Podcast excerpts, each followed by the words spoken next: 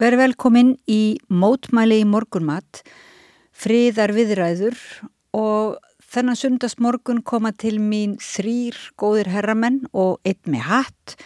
Fyrst er það Benedikt Hjartarsson, bókmöntaprofessor.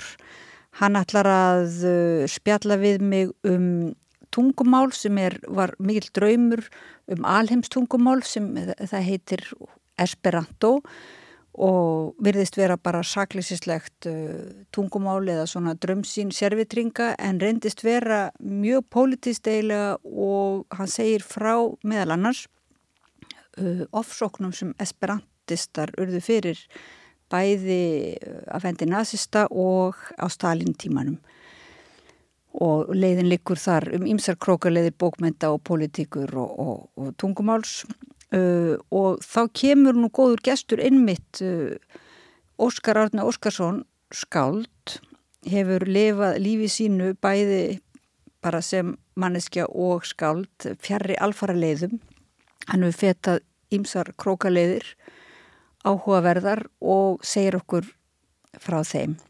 En undir lókþáttarins þá hittum við fyrir Santiago, uh, Abdiel Santiago frá Venezuela sem vinnur sem sjálfbóðaliði uh, hjá hjálpræðisernum og við Marja fórum um daginn á friðsamli mótmæli uh, Venezuela uh, samfélagsins á Íslandi til að mótmæla raunverulega mjög brútal brottrekstri þeirra skindilegum frá landin, það verða reykaðu af landibrott og Santiago er hensbyggistúdent og ræðir við okkur um, um það hversu eiginlega djúbstæður ótti e, blundar í blóði þeirra sem hafa búið við ofríki. En við byrjum á Benedikti Hjartasinni og Esperanto. Já, ég baði um að koma með hattin Benedikt, uh, ég held ég væri að býða með eitthvað svona, eitthvað absúrt, en þú sagðist bara að vera oft með hatt. Já, ég geng alltaf með hatt, það er orðið þannig núna ég get ekki orðið að fara út með rusli nema að vera með hatt, þannig að það lág bara beint við. Já, já, það kemur koma. Með, koma með þennan. En ertu svona, þegar þú ert í þínum störfum, ertu þá með hattinn líka? Er? Ekki í kennslunni. Nei, en ok. ég mæti með hann á skrifstofuna, svo er hann um hérna lagt, svo fyrir hann á hausinn þegar ég lapp út. Að því ég er sko, eiginlega hugmyndin með hattin er uh, nú bara svona almenntilega búið til smá props en líka uh, hugsunin að við séum hérna að tala uh, svona frjálst saman. Þú sért ekki endilega að ræða við mig sem embætismæður Mm -hmm. háskólans heldur sem þú sem svona borgari Sem borgari, Já, já. borgari með hatt. Já, og tilefni samræðinu okkar í dag er þessi bók sem þú var bara að koma út. Alveg stór, kostlega spennandi bók Huldukerfi heimsbókmentana og fjallar um þar skrifar svona litla pistla um pjessa og bæklinga og svona litla ritlinga úr sapni Esperanto hvað segir, Esperanto félagsins? Esperanto sambandsins. Já. Sambandsins, já. Já. Og eh, hérna, við ætlum aðeins að fara í gegnum þessa sögu vegna þess að eins og manni virtist Esperanto hreyfingin og Esperanto málið og alls og hugmynd vera bara, það var oft verið talið um það sem svona hálfgerðan bara brandara eða einmitt mishefnað mishefnað fyrirbæri sem að hérna, já, var bara bara sérvitringar lögðu á sig að læra Esperanto á sínu tíma. En síðan kemur nú í ljós að þetta var þvílíkt tengslanett og, og merkilegt menningar fyrirbæri og svona mjög tengt pólitík og, og menn voru sem sagt sendir í bara í massavís í fangabúðir fyrir, að, fyrir það eitt að, að hérna, stúdera Esperanto þannig að mér langaði bara að segja mér svolítið, byrðið að segja mér frá hérna, þessari pólitísku sögu en líka svona bara fyrir grúskaran að kíkja á kíkja á, ég baði um að koma hérna með með bunkan Eitthvað, á bókum. að- Já. já, já. En nefnur að segja mér fyrst aðeins frá þessari bók bara, hvernig hún svona kom til Já, þetta kemur uh, í rauninni sem pistlar fyrst sem ég skrifaði á neti til að uh, svona þess opna upp bara hvað er á þessu safni. Uh, við vorum uh, hjá Esperanto sambandinu að selja okkar húseignir á hérna, skólaverðu stíg og það var á þeim tíma óvís með framtíðsapsins sem er líka núna fyrir að mun fara á uh, Halla í Suðursveit.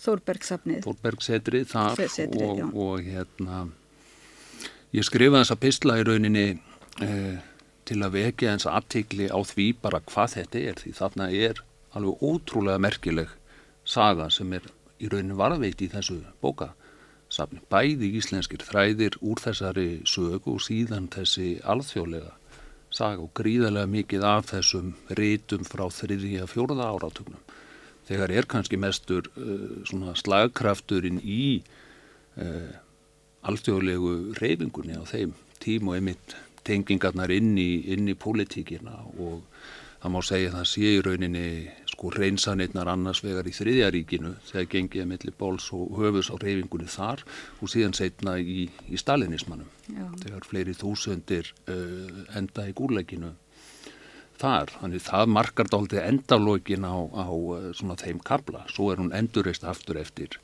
stríð undir dálítið öðrum formerkjum. En hún hefur á þessum tíma talsvert mikið vægi ekki síst í róttækum kreðsum þar sem hún náði verulegum ítökum. Þa, Þannig eftir stríðið? Já, eftir fyrra, Eftir- eftir, fyrra stríð Eftir fyrra já, já. svona á millistriðis árunum og svo kemur hún aftur eftir stríð á aðeins öðrum forsendum, þá verður hún mikilvæg meðal annars uh, tengigarnar til, til Kína og líka uh, kannski meira sem svona borgaraleg reyfing, en hún er í rauninni uh, reyfingin þarna á millistriðisárunum annars vegar er þetta svona róttaka vinstri reyfingin, svo er borgarlegur armur í Esperanto reyfingunni líka, hún klopnar kannski einhverju leiti þarna í kringum bara 20 uh, svona þessir tveir, tveir ángar en, en ángar úr báðum þessum uh, eða svona þræður úr báðum þessum öngum reyfingarinnar liggja hérna heim og við getum séð það að mörguleiti í þessu safni en- en tengingin við vinstri reyfingun er gríðarlega mikilvæg á þriða fjórða áratögnum. Verkamannalatínan var Esperanto Já, það var köllu kallað á þessum verkamannalatína tíma. Já, maður sér einmitt. þessu bregða fyrir meðal annars í umræðu á, á tísku þá er talað um Abatilatæn, mm. verkamannalatína. Og þetta voru ekki raunverulega, raunverulega er þetta, það er talað um svona það sem enginnir þá sem að uh, lögðu sig eftir eða trúðu á Esperanto sem, sem hugmynd að það, og kerfi, það væri uh, svona anti-dogma, þar að segja þetta, þetta er fólk sem að raunver, voru ekki tilbúið til þess að trúa á Sovjetríkin eða trúa á endilega á eitthvað fyrirframgefið stjórnskipulag heldur trúði svona meira á bara frjálsa tjáningu og á tengslanetin virkilega á alþjóða sem hjælt alltaf í alþjóða hugmyndina. Það er alþjóðahyggjan sem er uh, grunnurinn og þetta eru þetta sérstök reyfing að því leiti að þetta er uh, í rauninni mjög stór bara grassrótar reyfing eins og hún byggist upp og starfar alla tíð og uh, þarna kom inn hópar og reyfingar úr mjög ólíkum áttum en það er einmitt mjög rík áhersla á, á alþjóða hyggjuna og sambandi til dæmis í, í Sovjetríkunum uh, það eru mikla sviftingar þar uh, vegna þess að uh, það sem gerist við komum inn á fjórða áratvíin er að þá er farið að uh, íta meira á að gera rúsneskuna að opinberu tungumáli Sovjetríkjana, skildugrein í skólum og svo framvegis. Og það er í því samhengi sem farið er að svona þjarma að Esperanto uh, reyfingunni. Mm. Þar var þessi áhersla á uh, í rauninni sjálfsákurðunar rétt þjóða, bara gamla arfliðin frá Lenin og þessi hugmyndum í rauninni Esperanto sem alþjóðleitt samskipta mál sem leið fyrir smerri tungumálinn til að lifa af og þá líka innan Sovjetríkjana uh, í rauninni að uh, þetta væri forsendan fyrir því að þessa, uh, þessa smerri þjóðtungur gætu lifað og, og darnað í, í breytum heimi. Það er ekki bara í sovjerska samhenginu heldur, heldur alltögulega. Já, þannig að já, það er svona andstórvelda hugmynd Já, já. og, og einmitt ekki hugmynd um að Esperanto muni leysa nokkur tíman önnur tungumál á holmi heldur sé alltaf einhver viðbót sé þessi sameigilegi uh, vettvangur. En ég var næst að spökulega kannski fyrir uh, hlustendur uh, sem ekki, já, ég vil bara þekkja Esperanto, gætur aðeins Mhm. sagt okkur svona rifjað upp bara hvað það er og hvernig það byrjaði svona, hvað fyrirbæri, ef, ef þú ert segir okkur alveg svona frá, Byrjum á byrjuninni. að byrja byrjunin aðeins, já, Sko, þetta er kynnt 1887, þá kemur fyrsta bókin. Þetta er Gýðingur og pólskur auglæknir, Ludvig Saminhof sem býr þetta tungumál til og þetta er eitt af mörgum svona planmálum, tilbúnum tungumálum sem eru búin til á þeim tíma sem, sem alþjóðumálin, það sem nær eh, langmestri útbreyðslu. Hann er sem sagt kemur frá uh, Bielistok, borg í austur Pólandi sem liggur þarna á, á landamærum Póllands með Belarus í austri, það er Litáin fyrir norðan, Úkræna fyrir sunnan, bara þessi söður pottur þar sem við höfum séð átökin núna. Hann í rauninni mótar þetta tungumál og, og lýsir því vegna þess að hann kemur auðg á nöðsinn þess að uh, stuðla að samræða milli ólíkra þjóðarbrota í, í borginni. Það fjöldtingið í borginni, það er í grunninn nokkur tungumál uh, sem eru töluð í, í borginni. Uh, þetta er í Pólandi í dag, það er á þeim tíma inn í rúsneska kesaraveldinu. Þannig þarna erum við með pólskuna, við erum með rúsneskuna, uh, við erum með þýskumælandi minnuluta og við erum með jitískuna þessi fjögur tungumál. Þannig það er í rauninni í grunninn hugsunin þegar það kemur fram að stuðla að samræðu og innbyrði skilningi þessara ólíkur þjóða og þjóðar brota. Þannig að þetta, þetta nærum fótvestu sérstaklega á þessum svæðum og líka í Östur-Evropu og Mið-Evropu þar sem einmitt er svona mörg þjóðarbrot uh, Já, útbreynslan Í verður mikið, mikið þar. Svona mið- og austur-Európa, það verður í, í, í Pólandi, setna síðan í Ungverjalandi, Úkraina, Belarus og svo framvegis. Og uh, annar ángin í því er að uh, það eru sterkar tengingar við gýðinglega menningu á þessum tíma og uh, svona þennan jittíska málheim, bara gýðingasamfélagið í mið- og austur-Európu. Þar hafði þetta tungumál uh, mjög sterkar rætur um aldamóti 1900 og á fyrstu áratögunum. Og áður en Saminhof uh, skapar þetta tungumál, þá var hann virkur í reyfingu sem uh, var að leitast við að uh, nútíma væða jittískuna. Þannig að hann sér Esperanto líka öðrum þræði sem tungumál fyrir uh, gýðinga sem fótfesta fyrir þá í, í breytum uh, heimi. Þannig að það er líka, mikið hluti af þessari sögu á fyrri hluta 20. aldar eru tengingarnar við, við gýðinglega menningu, þessu menning sem að, sem að hverfur þannig.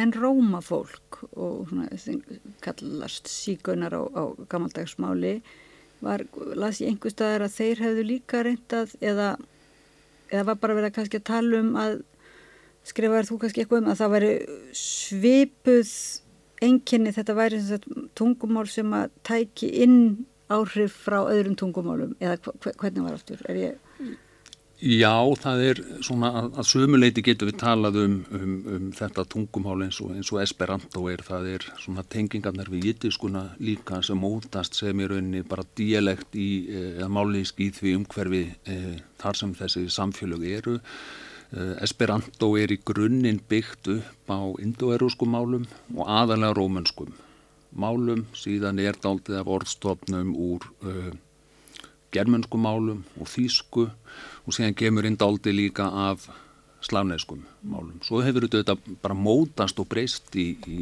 hérna, áranar ás. Það er ákveðin sveianleiki líka í, í málfræðinni. Þannig að Esperanto er tala kannski á aðeins ólíkan hátt í Östur-Európu í hinnu slavneska málheim eða í hinnu rómanska. En er sko, hann, hann Saminhof, eða hétt hann ekki það? Já, saman, já. Uh, var auglæknir og tengdi þetta síðan líka blindraletri, var það ekki? Eða þess sagt, uh, var ekki svolítið hre- svona tenging Esperanto við blindra Það kemur, jú, það er meðal annars kemur, koma tengingar við uh, blindra samfélagið uh, sem að, uh, í rauninni kemur þarna ákveðin starfsemi sem fyrir að mótast innan Esperanto að nota Esperanto í blindra kennslu og þróa þá blindra letur líka fyrir Esperanto og um, það eru gefin út sérstup tímaritt og, og annað. Þannig að það er þessi hugsun jáðar hópar nátt, að styrkja þeirra tjáningar uh, leiðir já, með já, þannig að þeir hafi ekki bara sín litlu tungumál og heldur, eða takmörkuðu sem fáir skilja heldur hafi þar auk, hérna, líka esperantóið sem líka, þá má segja hendaði Íslandingum vel. Já, já, því smerri málsamfélag. Og Þórbergur talar einmitt um það, það sé náttúrulega ómöguld að vera reytöfundur á íslensku, það, hann sá fyrir sér bara útbreðslu sinna verka og hugmynda og íslenskra höfunda uh, virkilega í, þetta var þessi svona drömsýn. Annars verður það að þú hins vegar bara opnunin sem verður á íslensku bókmentakermi. Þorbergur skrifar mér og minna á Esperanto yfir 6-7 ára tímabil. Þar sem hann er í rauninni staðræðin í því að verða alþjóðlegur höfundur á Esperanto og hann var samferður um að þetta tungumál væri framtíðin. Um, það er uh, auðvitað fyrir þá sem skrifa á smarri tungumál svona leið út í hinn starri heim þó að það hefur nú kannski farið öðruvísi heldur en Þórbergur sá, sá fyrir sér þá verður þetta, þetta líka uh, lítið mál samfélag og, og hann svona hverfur aðeins frá þessu þarna upp úr 33 uh, fjögur og það er svona um það leiti líka sem að svona þessar remmingar fara að, að byrja í, í Sovjetríkunum sem verða gríðarlega þungar fyrir alþjóða reyfinguna í kjölfærið á, á því sem hafi gerst í, í Tískalandi. En þetta verður, þetta hefur sem verkefni Esperanto gríðarlega mikið vægi mitt fyrir ólíka jæðarhópa og fyrir uh, smarri tungumál. Líka fyrir tengingar á milli smarri mm. tungumála og ég hef aðeins verið að skoða og nefninu aðeins þarna í bókinni til að mynda þýðingar sem koma inn á íslensku í gegnum Esperanto. Já, gegn, þá talar um millimál. Millimál, bæði já. millimál og frumsamdir tekstar og þetta er, ég verði að skoða núna uh, tímabilið sérstaklega frá 27 til 35 þarna koma uh, sennilega fyrstu bókmentatekstarnir smásugur þrjár sem eru þýttar úr jittískum bókmentum Ísneskar nútíma bókmentir, ungverskar bókmentir, uh, japanskar öryga bókmentir, það er að segja þetta er ekki margi tekstar en við sjáum það er að koma inn úr mjög uh, óvendum áttum hluta, það er að koma aðrir ströymar inn í, inn í íslenska menningu þarna. Sko það er svo margt spennandi hérna, þetta er eitthvað svo, þegar maður lesa þessa, þessa písla þína, sko, ég er einhvern veginn bara þarf að halda mér, það er svo margt, að því maður finnur að þarna er einhver svona annars konar eiginlega bara hugmynda heimur algjörlega líka í tekstónum sko, í, hérna, þetta eru tólti bókmyndir sem eru uh, það er verið að kynna hérna til sögurna líka hálgerðar jáðar bókmyndir þar að segja bókmyndir mm. sem verða ekki svona megin ströms bókmyndir mm. þetta er ekki hérna, ég hef ekki nú lesið ja, japansku öryga bók, bókmyndirnar en þetta virðast ekki vera sko bókmyndir sem eru svona uh, sósjálrealískar uh, vilja sem, sem eiga að tala máli örygana mm -hmm. sem, sagt, sem verð, verða svo vinsalega bókmyndir sem eru doldið sumar góður auðvitað sumar, já, já. En, en þetta er einhvern veginn bara það líka þessi áherslu að verist vera á fjölbreytileikan í hérna tjáningarformónum sko þannig að þetta eru halgirði tilrauna bókmyndir líka, já. er það ekki? Jú, það, það er það og þetta er, og smerri bókmyndir mm. líka mm. og, og þetta eru kannski þessi tegunda bókmyndum sem er uh, eru mikið útbreytar í róttakum vinstri kreðsum bæðinu marxismans og anarkismans á, á þessum tíma þessi smerri, nýtmiðuðu bókmyndaform, oft til rauna kent. Já því að söma náttúrulega bókmyndir urðutóldir sko svona kannski, já, svona vinstri eða marxisma eða kom, kommunisma segjum já. að bráðdóldið en það, það, það verist ekki vera þarna raunin eða hvað? Mm, nei, í rauninni kannski ekki vegna þess að, að síðan sjáum við þegar sósélrealismi fyrir að koma meðan fjórða áratíðin þá er í rauninni mjög stutt í, í hérna, reynsanirnar í Sovjetryggjunum á þessum tíma og þá er í rauninni bara gert út af við uh, reyfinguna sem hafði starfað þar. Uh, Líkilmenni Esperanto reyfingunni eru, eru beinlinnist teknir, margir eru gúlagið og, og, og margir skotnir. Mm. Þannig það er mjög svona grimmileg saga sem að þar liggur, liggur undir en það er eitt af þessum bókmentaformum líka sem að er á þessum tíma sem verður kannski mikilvægast inn í þessu kerfi það eru brefaskifin, skrifin það eru örygabrifin, það eru verkamannabrifin arbeidekorrespondent sem er, er kallað á þýsku, það er að segja brefaskrif verkamanna sem er að koma í tímaritum þessi reynslu heimur verkalýðs og öryga sem er miðlað til lesenda. Þetta verður gríðarlega mikilvægt uh, form fyrir Esperanto, bæði alþjóðleg brefa þessu tægi sem að koma í Sovjetríkunum og bref frá Sovjetríkunum erlendis. Þannig að maður sér að þetta er umhverjulega tvöföld og bæði er það þessi ógl að þarna er, hann eru jáðarhópar að fá rött Já.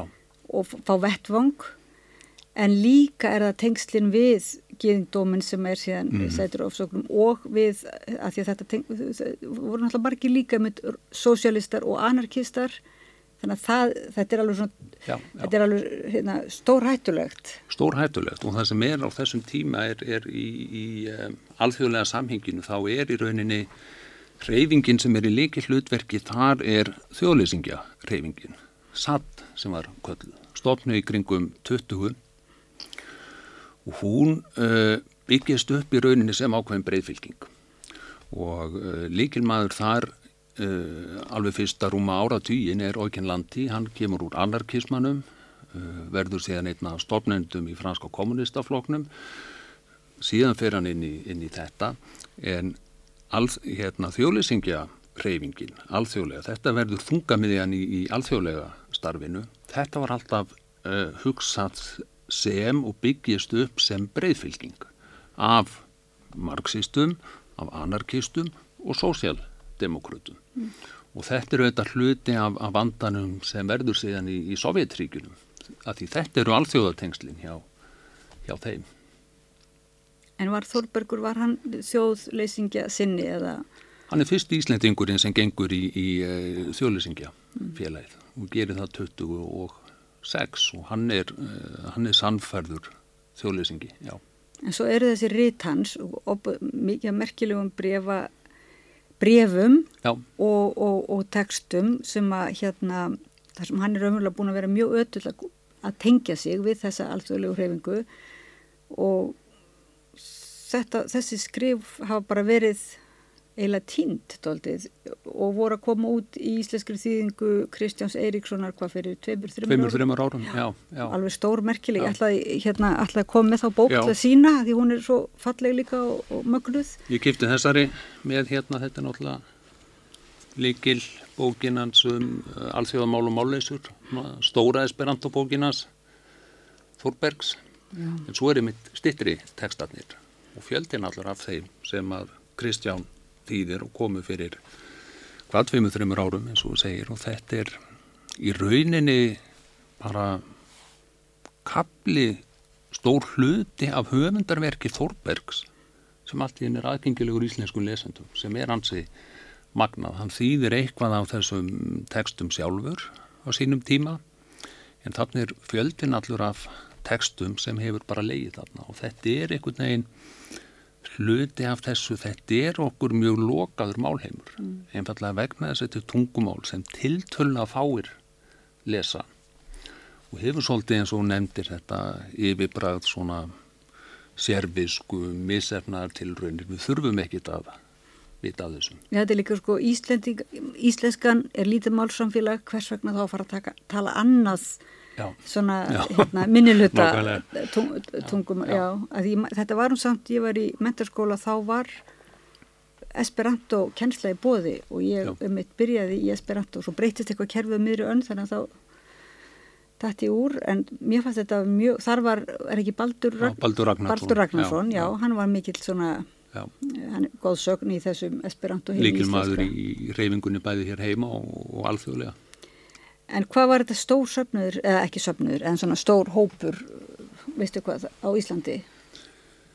Ég er ekki með tvölutnar á reynu en, en um, það koma svona tímabil þar sem reyfingin uh, verður öflugri og það er, þetta er ansið stór hópur hér heima á, á þriðja fjóruða áratögnum. Maður sér það á, á bara tímarita útgáfu til dæmis, hvað er verið að þýða og annað. Þannig hún hefur náð töluverður í fótfestu hér og maður sér það líka bara hvað hún er mikið í umræðun í, í, í blöðum og annað. Svo er held ég annað sem að skiptir málið þarna líka að ekki bara horfa hvað eru margir inn í, inn í reyfingun ákveðnum tíma heldur hverjir eru þarna mm. inni. Þannig að þessi inn í reyfingunni eru uh, yðurlega ekki bara hér heima heldur alþjóðlega mentafólkið kemur þarna inn alþjóða sinnafnir. Ef við horfum bara á hérna heima við vitum af Þórbergi Uh, annar aukamaður í stjórn í, uh, upphafi er Jakob Smári skáld einn sá fyrsti sem að lærir tungumáli er Sigurður Nordal Jón H. Guðmundsson Harbjörn Haldursson, prentarar Já, eh, prentarar Prentararnir koma mikið tengist, þarna já, Jón H. Guðmundsson já, já. já, og kemur inn í útgafu hjá þeim þannig að það er líka dálti það hverjir eru þarna inni. Því að við hugsaum um í rauninni Esperanto sem svona þennan, þennan vettvang þar sem hugmyndir flæða um alþjóðlega á milli landa þá er spurningi líkum í gegnum hverja kemur það og með hvaða hætti inn í, inn í menningar lífið. Og þá skiptir daldi máli þessi tenging við í rauninni sko mentamanna mm. stjetina En eitthvað samt hefur það eins og, eins og þarna þegar ég ætlaði að læra þetta þá og sagðist verið að fara að læra esperanto þá var það bara eins og brandari og já, já. ég svona kannski skráðum að þessi í það uh, svona í hálkjæringi en maður vissi það að þetta erði kannski ekki aðal málið, þetta væri ekki að praktiskast en ég gerði held í mest í minningu af að míns kjartan sem að var mm -hmm.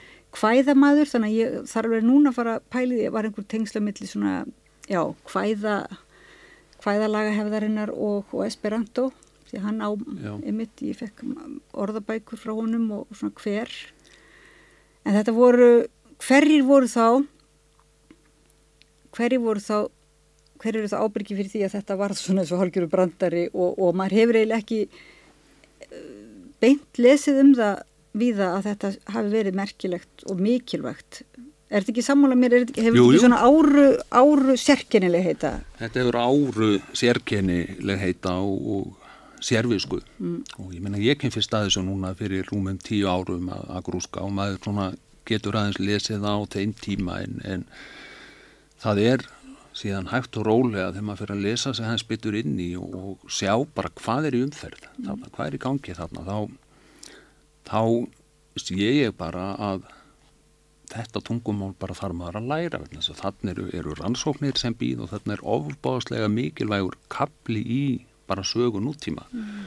menningar. Þannig að þú ætla bara að læra það? Já, ég er svona vinn í, því. En, hvernig, en hvernig komstu fyrst inn eða segir þú?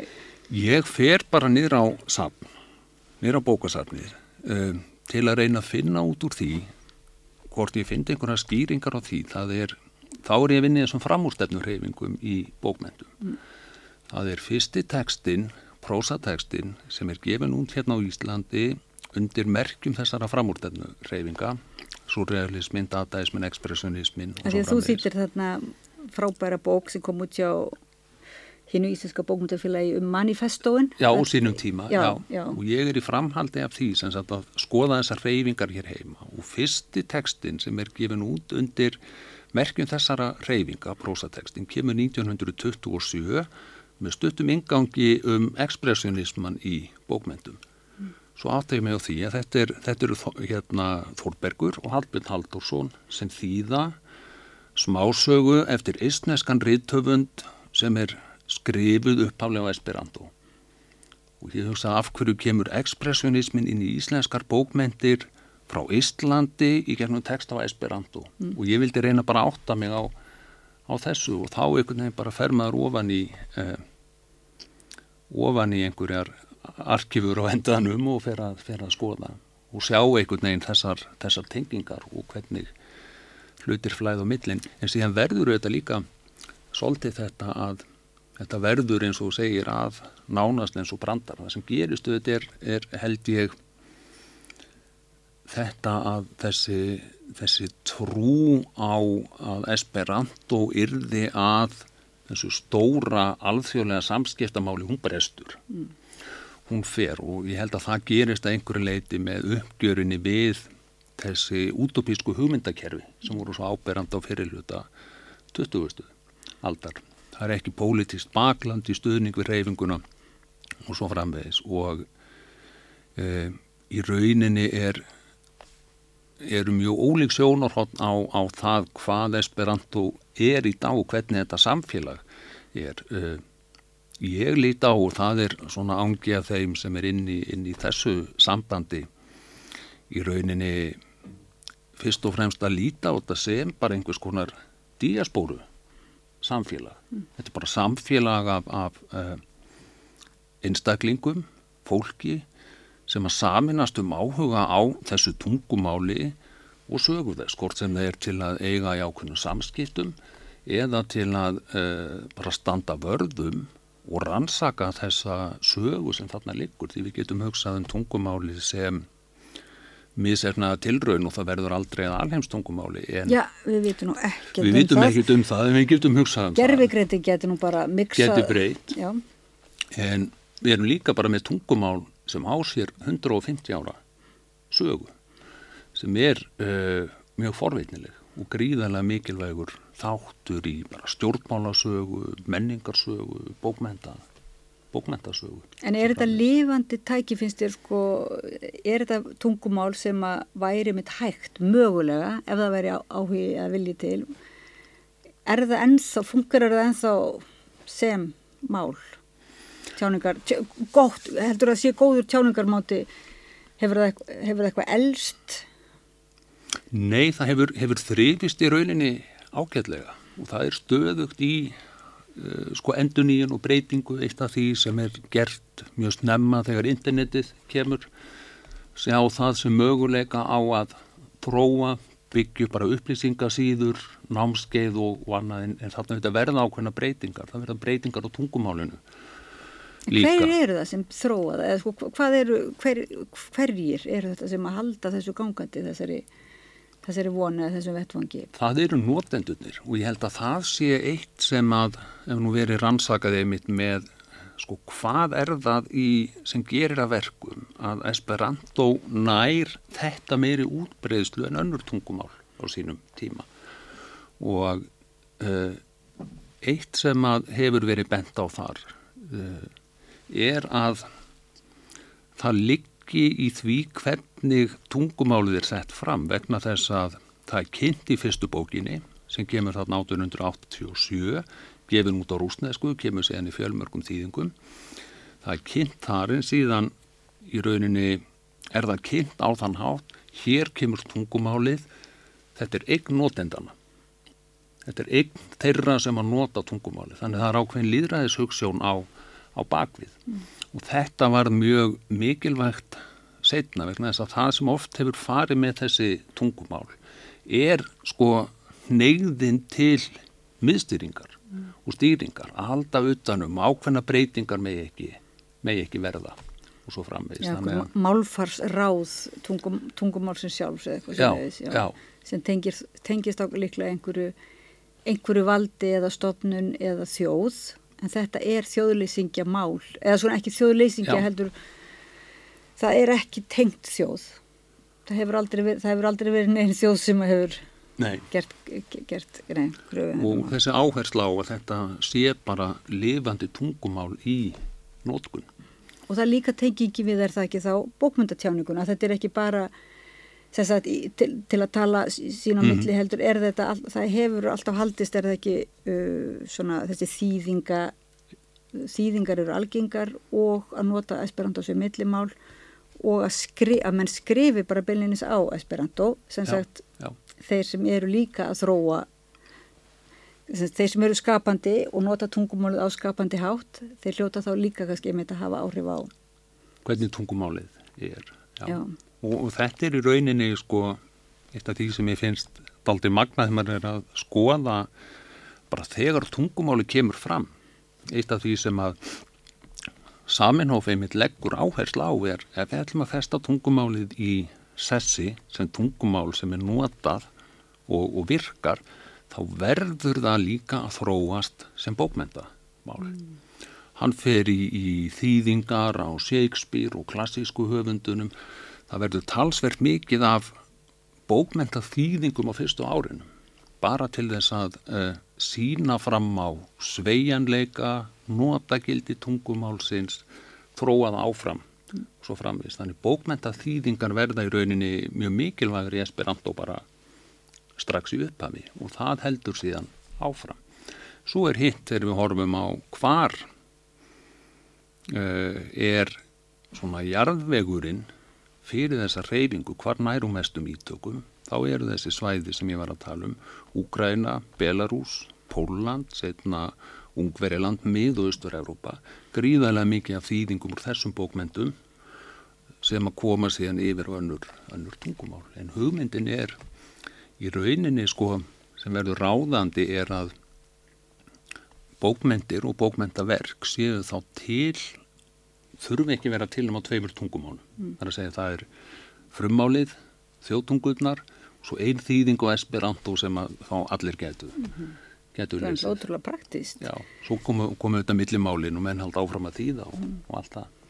En þetta er, mér finnst að vera aðtiklisvert líka vegna þess að er ekki það hefur líka verið svona þessi draumur um að búa til tungumál sem er einmitt ekki bókmyndafræðilegt og er ekki tungumál sem maður getur lesað mellir línana eða svona mm. symbolist á einhvern hátt eða með, í mörgum lögum sem að bókmyndirna náttúrulega búið yfirlega til og þýðing, þýðingar búið til oft mörg, mörg lög svona af merkingum þessi draumur um að svona positífiski draumur um að búa bara til orðabók eða tungumál sem er með mjög einfalda orðabók þar sem að bara eitt orð þýðir bara eitt og já, það er að útrýma miskilningunum sko. En þarna er einhvern veginn eins og Saminov, hann er ekki trættur um miskilningin já, já og nei sko. Því að, svona, þessi hugmynd er þetta undir líka þessi sko skýrleiki í, í, í orðum. Það er mm. mikil áhersla á hann að orð hafi bara ákveðna Nú, það merkingu, það. Já, já, það kemur líka þar inn. En síðan er það er mikil áhersla á viðskeiti og það sem er kallað aðskeiti sem er eh, svona skeitt framann við eða inn í orðin sem að breytir aðeins merkingu þannig að sveianleikin er byggður inn í þannig mm.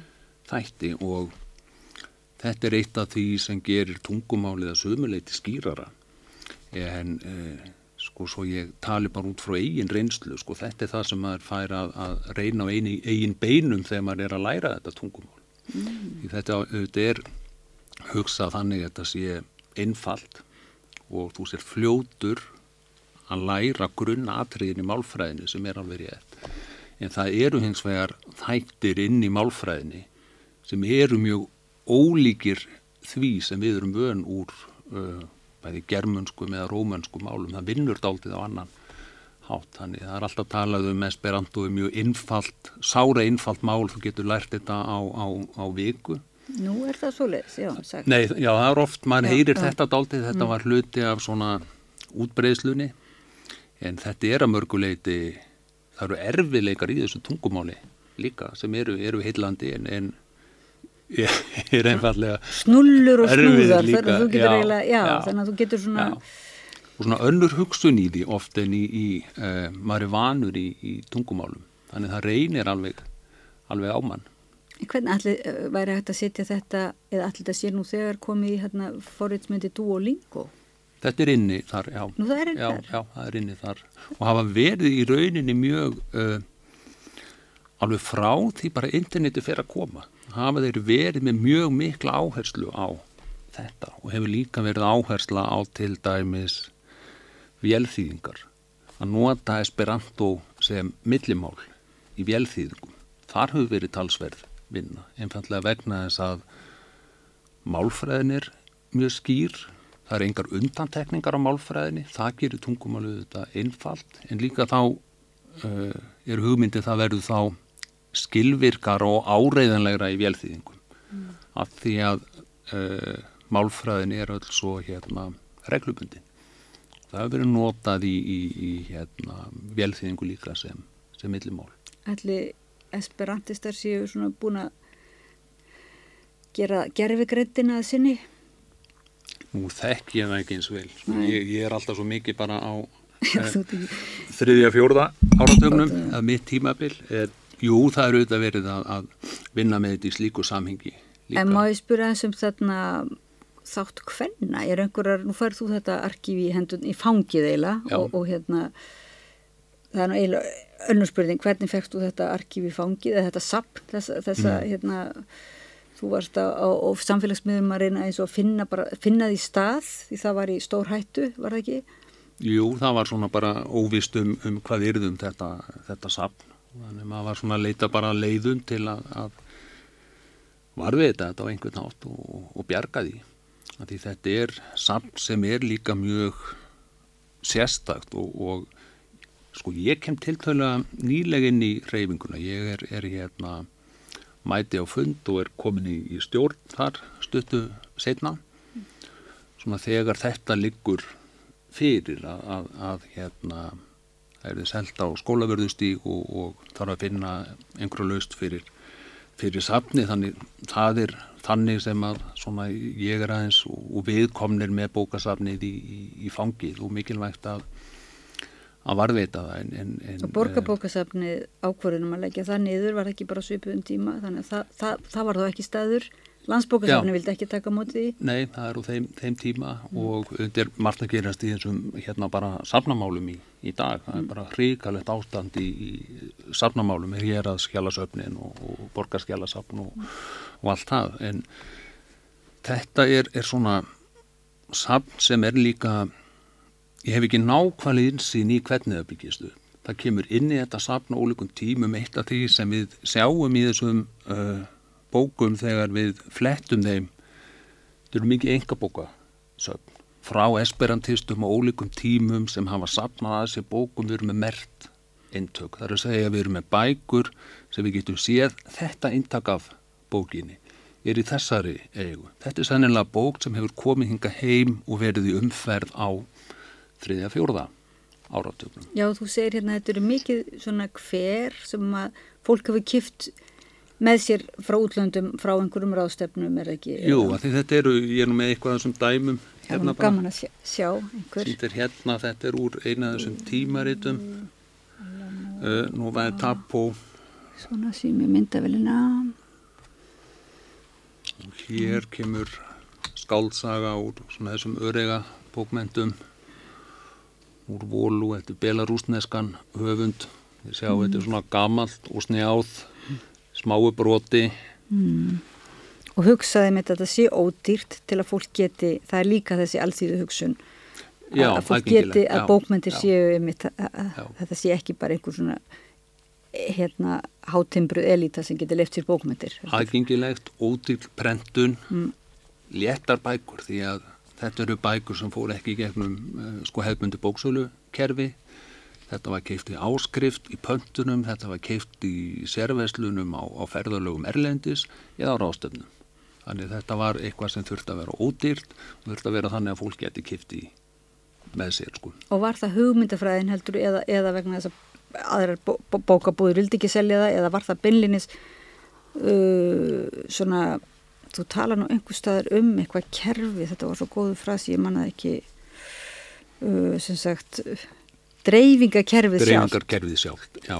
Var líka hugssjón, var það ekki einhver? Jú, það er í rauninni, getur við sagt, það verður bara hluti af því að móta þetta samfélag og tilheyra þessu samfélagi að sjálfsmyndin, identitetið verður svo, svo gríðarlega mikilvægt þarna að tilheyra þessu samfélagi eh, lesa ákveðna eh, hluti, hafa aðgangað að, að hérna ólíkum textum Þannig það er svona sem, sem ángi af því eflust eitthvað að þessum bókum hefur komið í hefðbundnar uh, bókabúðir en, en þetta er í rauninni mjög kannski lokað.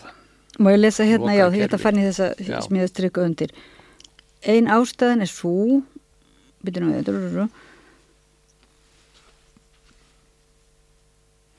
Já, þegar hortir til fagurbókmynda er bókarsafnaða sinnhátt einstakt og ómetanleg heimild um hvernig bókmyndir frá jæðarsvæðum heims bókmyndakerfisins bárust hinga til lands. Ein ástæðan er svo að innan esperantorhefingarinnar var lögð ríka áhersla á stöðu smerri eða jæðarsettra tungumála og ein afleðing þess er uppbygging sérstaðs afmiðjaðs bókmyndakerfis þar sem nýjir ströymar áttu greiða leið á milli ólíkra jæðarsvæða um bókmyndakerfi esperant, esperantismans utan hinn að stóru tungumóla, svo sem fransku, þísku, ensku og mhm. utan mm. hinn að stóru dreifi kerfa um, sömur leiðis já, já, já. En þá, þá kem ég aftur að spurningu að spurja á hann þetta með hérna, þátt hvenna, veistu hvort að eru hvenn höfundar á, í, í koma, þessu safni? Koma inn í þeim, þeim uh, bregður fyrir og, og uh, bæði alþjóðlega og hér heima og Uh, maður sér til dæmis, ég nefni þarna uh, japanskar öruga bókmentir uh, og ég var að tala á þann um, um þessi brefaskipti úr verkalýðsreyfingunni og öruga það er meðal annars inn í hverna reyfingunni mm. og það er maður sér meðal annars ég nefndi áðan smásögu japanskar öruga bókmentir það kom í tímareiti sem hétt nýja kona mm. það var hvernfélag Íslenska kommunistaflokksinn sem að gaf það tímaritt út kom út uh, ekkert í mjög langan tíma. Þar kemur þessi saga til dæmis. Þar var líka eitthvað um að það væru byrt einmitt bref japanskra verka hverna sem voru skrifuð væntanlega skrifuð á Esperanto í það minnsta þýtt úr Esperanto á íslensku þannig að þetta tegir sér líka þar inn í rauninni sko hvenna og hvenna reyfingun á þeim, þeim tím og þetta koma líka konur uh, við sögu hér heima. Ólu Svinsdóttir í, í Erdisavík sem að lærir tungumálið uh, upp á einn spýtur er í, í brefanskiptum uh, út um allan heim á tungumálinu og, og fleira. Já þannig að þessi jæðar hugsunin um að gefa fleirum rödd að það náttúrulega hend, já, já. líkur það beinast við að gefa möguleiki bara á, á, á tengingum í, í en ég var líka að hugsa um að, að þetta, svo, þetta verður svo, það verður svo margar útgáfur í Ungverilandi uh, og þar til dæmis voru konur mjög sterkar í sálgreininga sálgreininga hefðin ungverska hún er geðingleg mm -hmm. það er mjög mikið geðingar sem að stunda uh, sálgreiningu og þar erum hérna, ymmit á þessum tíma þarna fyrir, fyrir stríði sérstaklega. Fyrir, já. er það ekki að fyrir fyrrastriði jú, vondur í tölum. Að þá er svo ótrúlega fjöldi af sagt, konum sem að að það væri auðvitað áhugavert að vita hvort að þær hefur líka skrifað, hvort að það séu teng, tengst til dæmis sálgreiningarinnar við Esperanto. Nú hef ég ekki skoðan það sérstaklega en, en það eru þetta það eru auðvitað þannig inn í, inn í Esperantúinu, það var mikil áhersla á að, að kynna öll þessi ólíku fræðasvið. Mm. Það væri á tungumálunu til aðgengileg, alþýðileg fræðaritt á Esperantó fyrir alþjóðlega lesendur um allt það helsta sem þeir þurft að mm. vita. Svona um, alfræði þekking nokkur með einu helstu ströymum væri aðgengileg í svona aðgengilegum alþýðlegum rítum og uh, í það minnsta með, já, já og, og svona alþýðu fræðslu mm, hugssjón og í það minnsta er uh, sálgreiningin, hún kemur inn allavega með þeim hætti. Og ég sé vísað í hana með, með þeim hætti.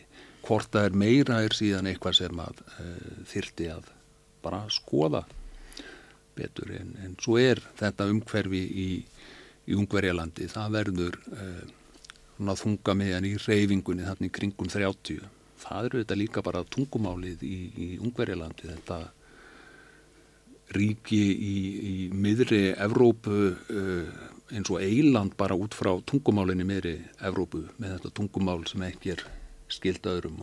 Þetta verður mikið aðdráttanafl Já, þar. Innmitt og það er náttúrulega mjög rík uh, bókmyndahefð, bókmyndir sem að tengjast einmitt alltaf mjög mörgum öðrum sviðum, Já.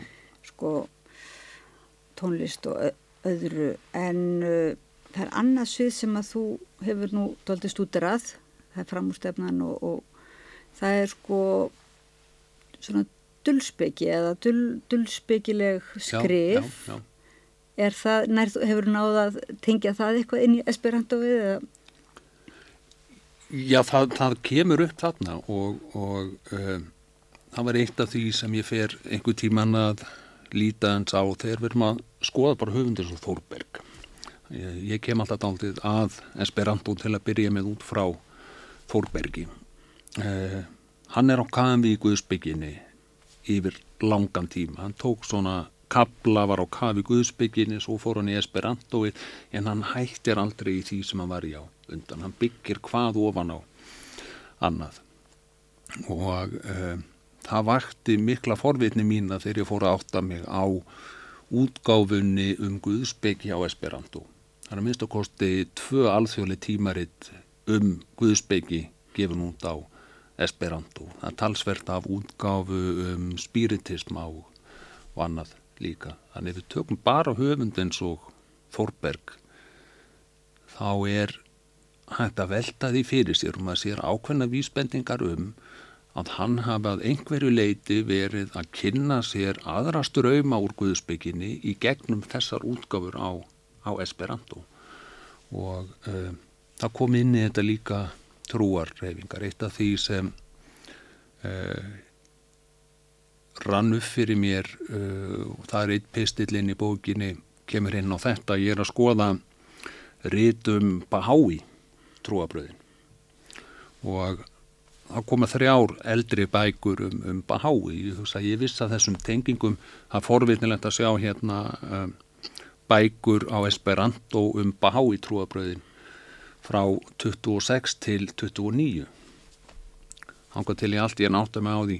Þetta eru sennilega fyrstu bækurnar um Bahái trúabröðin sem bara koma hinga heim. Mm. þannig að segja Bahái trúabröðin koma að hluta til í gegnum Esperanto hingað heim. Því þar er þessi áhersla á alheims trúabröðin sameinlega grunn allra trúabræða alheims trúabröðin og það er frá upphafi áhersla á að uh, mannkynni þurfi á að halda einhvers konar alþjóðlegu tungumáli og síðan er það í annari kynsluðin inn í Bahái að það verður Esperanto sem, sem verður ofan á. Allir skuggi, skáldið skuggi sem Jok, hérna, er ekkert Jokkumsson allir hann hafi verið Esperantisti og... Ég hef velt þessu fyrir mér. Já, ég hef ekki, ekki Hann var allavega hérna, Bahá. Hann var Bahái Bahái, það er margar. Og uh, það kæmi mér ekki óvart Nei. hann hafi verið uh, Esperantisti líka. Það er einfallega það miklar tengingar þarna á milli. Maður er alltaf spökulur að hvað hefði gerst svona, hérna, hvað hefði gerst sögurskoðun ef að uh, þessi eiginlega þessi æð svona mm. íslenskri menningu, þetta sapp sem sagt væri ekki á rakólum heldur hefði verið gert kannski bara, ef að hefði verið fleiri sem, sem hefði trúað á þetta og það væri kannski íslensk svona bókmæntaflóra og menning væri þá jáfnvel svolítið ólík. Já við hefðum kannski tvö ör tungumál þá íslenskun og esperanto eins og, eins og það hefur já. þróast en Nei, hefði verið breyting á, sko. Já, en þessi líka áhersla sem mér finnst oft þreytandi í, í íslenskum bókundu það er þessi áhersla á hver er stærstu höfundur í Íslands hver já, er já. Uh, stærsta bók, stærsta höfundar það er þessi svona áhersla á að það sé er umverulega einn stærst, stærstur já og hérna og, og það er eins og svona þótt að margir stórir hafi síðan dáið þá er einhver þessi fant fantasmi oft enn við líði í, í bókmyndaheiminum Hefðarveldið. Já, einhvers konar hefðarveldi í staðin fyrir að um, raunverulega að leggja meiri rægt við svona gróskuna og Já. þetta sem er bara lítið leifa, leifa bara að vera lítið. Ég held þetta er alltaf svolítið bara drivkrafturinn í, í ég meina öllu sem ég geri sko, þetta er kannski þetta sem ég segi stundum við mína nefnendur sko það mikilvægast sem við gerum er að greina kjarnan frá hísminu og þegar við erum búin að greina kjarnan frá hísminu þá getum við tekið kjarnan og lagt hann til hliðar mm. og farið að skoða hísmi því það er alltaf nóg af, af hérna, fólki sem er að skoða stóru höfundana líkilverkin kjarnan í því sem að við teljum okkur trúum eða sannfarðum að skipti máli, það eru, það eru litlu hlutinir. Allt það sem er hluti af uh, bara lifandi menningu og bókmentalífi yfir í sko, smarri tungumál og allt þetta sem er í umferð. Er, þetta er svo örnlítið hluti af uh, þeim bókmentum sem eru gefnar út sem við erum alltaf að lesa og tala, mm. tala um.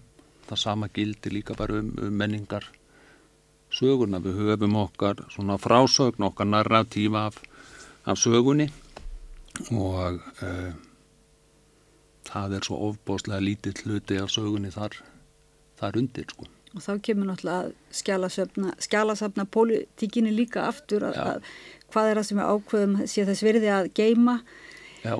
og ef við geymum það hvað er þess virði að sé endur útgefið að dreyði fram í dagsljósið og hver Já. er það sem að eiginlega hérna, gleymast bara ef þú ert einmitt í kjarnanum alltaf þessari hugsun að þú viljir vera og, og hismið sé þá þetta mishefnaða að þá hérna gleymist það nú svona og það nú einmitt bara mjög mikið af sjálfsæfisögum og brefum íslenskara kvenna húra mm. núna í, í landsbókarsafninu og, og bara býða eftir því að, að ja. áhuga samir grafið upp og en þarf að vera til og þarf að vera varðvitt og ég held að það er, er líkið landrið, það er að þessi gögn séu varðvitt og það sé að, aðgengi að því og það er þessi hættulega hugsun ef við förum að hugsa um söfn eins og þetta eða önnur söfn út frá útlánatölum og nótkun á söfnunum. Vegna þess að söfni er eitthvað annað. Þetta eru hlutir, það er gildi í því að þessir hlutir séu aðgengi leir það er hægt að fara inn og skoða í raunin þessa sögu. Ef þetta safn er farið þá er þarna ákveðin bara kapli okkar sögu sem er ekki aðgengilúr, hann er, hann er farin og ég held að þetta er í rauninni sko líðræðis hugssjónin sem er svo gríðarlega mikilvæg þegar kemur að söfnum, hvort þau erum að tala um safn eins og þetta bókasöfn eða skjálusöfn áttúrulega með kannski enn en meira aðgallandi hætti. En sko við vitum ekki alveg hvað verður, hvað liggur þarna sem kann að verða mikilvægt á einhverjum tímapunkti? Þetta er einhver svona tilurðarsagar einmitt sem getur bara reynst okkur mjög uh, merkileg uppspretta.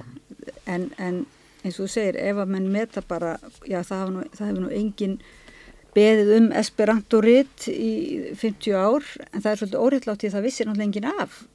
Hvernig getur þú beðið um eitthvað sem þú vist ekki að það er til? Þannig að þarf ykkur að hérna benda á það, lifta því upp, kynna það og svo leiðis en veistu nokkuð um hver er erfiðar hérna, spurningar, veistu nokkuð hvort að um sko bókasöfn eða sagt uh, í heiminum fyrst að sko höfundum var nú sópað upp í lestir og sendir í fangabúðir og, og útrýmingabúðir því miður mm -hmm.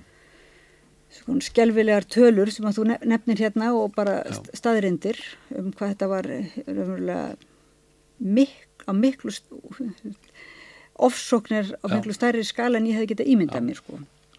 þá, þá getur mann líka ímyndað sér að það hefði verið nokkrar bókabrennur og, og einhver sögn hefði verið eðurlögð, veistu nokkuð um það? Það er, e, það er sannarlega þannig. Og auðvitað er það líka þetta eins og ég nefndi, það eru tengingarnar við geðinglega menningu, það eru tengingarnar við róttökum vinstri reyfinguna bókabrennur til að myndi þriðja ríkinu. Það var ekki endilega verið að, að sko targetera þessa einstaklinga sem er sletti sem esperantista eða verkhöfunda væri að fara á, á bálið að þeir vera esperantistar heldur að þeir voru gýðingar eða, eða, eða hérna kommunistar eða vinstrimenn mm. það eru svona ángi af því auðvitað líka en e, það er e, auðvitað ákveðin e, hreinsun líka sem á sér stað og mjög forvitnileg saga til dæmis á, á bakvið Esperanto-safnið í Vín sem er stærsta uh, safnið yfir Esperanto og, og, og planmál í dag gríðanlega stórt og mikið safn hansi, hansi magnað. Og það er byggt upp í rauðu vín þarna á millistriðs árunum og uh, þegar að uh, þjóðverjarnir koma þarna verum við í þriðaríkinu þegar að Vín er tekin og Östuríki tekin þá er hersveit sem bara ferð þar inn að fara yfir gögnin og rannsaka og, og uh, skoða að þarna væri því að það var hugmyndin að þarna væru gögn til að undirbyggja kenninguna um higgiðinglega alheims samsæri. Það var litið á þetta sem, sem kjarnan í ákveðinni starfsemi þar. Og þá bara lendan á njósnarinn hefur bara lendt á alls konar skemmtilegum bókmyndum í staðin. Já, alls konar og náttúrulega bara leiðið yfir, yfir því og, og kemur þarna bara sveita af, af, af mönnum sem kunni tungumálið og þjálfaður í þetta að finna gögnin. Að því þetta er í rauninni innan, innan uh, sko nazismanns, þá getur við rakið þetta alveg aftur í, í, í bara mæn kamp. Þar talar, uh, talar Hitler sérstaklega um higgiðinglega alheimsamsæri sem muni styðjast við alþjóðlegt tungumál til að ná uh, sínum heimsífir á þeim. Mm. Líkast til Esperanto, segir hann. Það, þannig að þetta er eitthvað sem er, er uh, hluti af, af svona þeirra hugmyndaheimi alveg frá því að, að sko nazismi fyrir að, fyrir að mótast þessu ógn sem liggur í, í tungumálunum. Og sem síðan verður líka á stalinisman og það er þessi allræðis Allraðisríki sem að hérna, sjá þarna einhver mikl, ekki bara einhver sæta litla fallega prentgripi eins og við erum með núna og hvað þurfum fallir, þetta er bara sé þetta sem alveg óbáslega ókn. Ók, já. Já. Það er græsrótar eh, ángin í því líka er erfitt að stýra tengingar á einstaklingsbasis og, og annað og menn vinna sem hluti af bara alþjóðlegu neti. Já og þetta, það er líka talað um, þú talar um þarna og mér minnir að það hefur líka verið í bókinni hjá, hjá Pétur Gunnars um, um Þorberg, það er uh, þessar adressubækur sem hann var með, mm. sem sagt þegar hann ferðast þá ferðaðist hann, sem þetta hitti, fór bara milli annara esperantista. Bara eins og hliðar samfélag, alþjóðleitt hliðar samfélag, þetta var tungumálið sem hann hafði og þetta voru bækur sem voru gefnar út og prentaðar. Þar gaf hann séð hvaða tímaritt eru gefin út, hvað eru miðstöðnar, hvað eru forlögin, hvað eru einstaklingarnir og komið sér í samband þar. Þá ertu komin í samband við heimamenn á staðnum, þeir fara með um borgina, kynna þeir fyrir öðrum og uh, þá mörgum hverjum sem eru jáfnvel inn í esperanto reyfingunni líka því það er einhvern veginn þetta, þetta tungumál. Þannig það er þetta tengsla líka.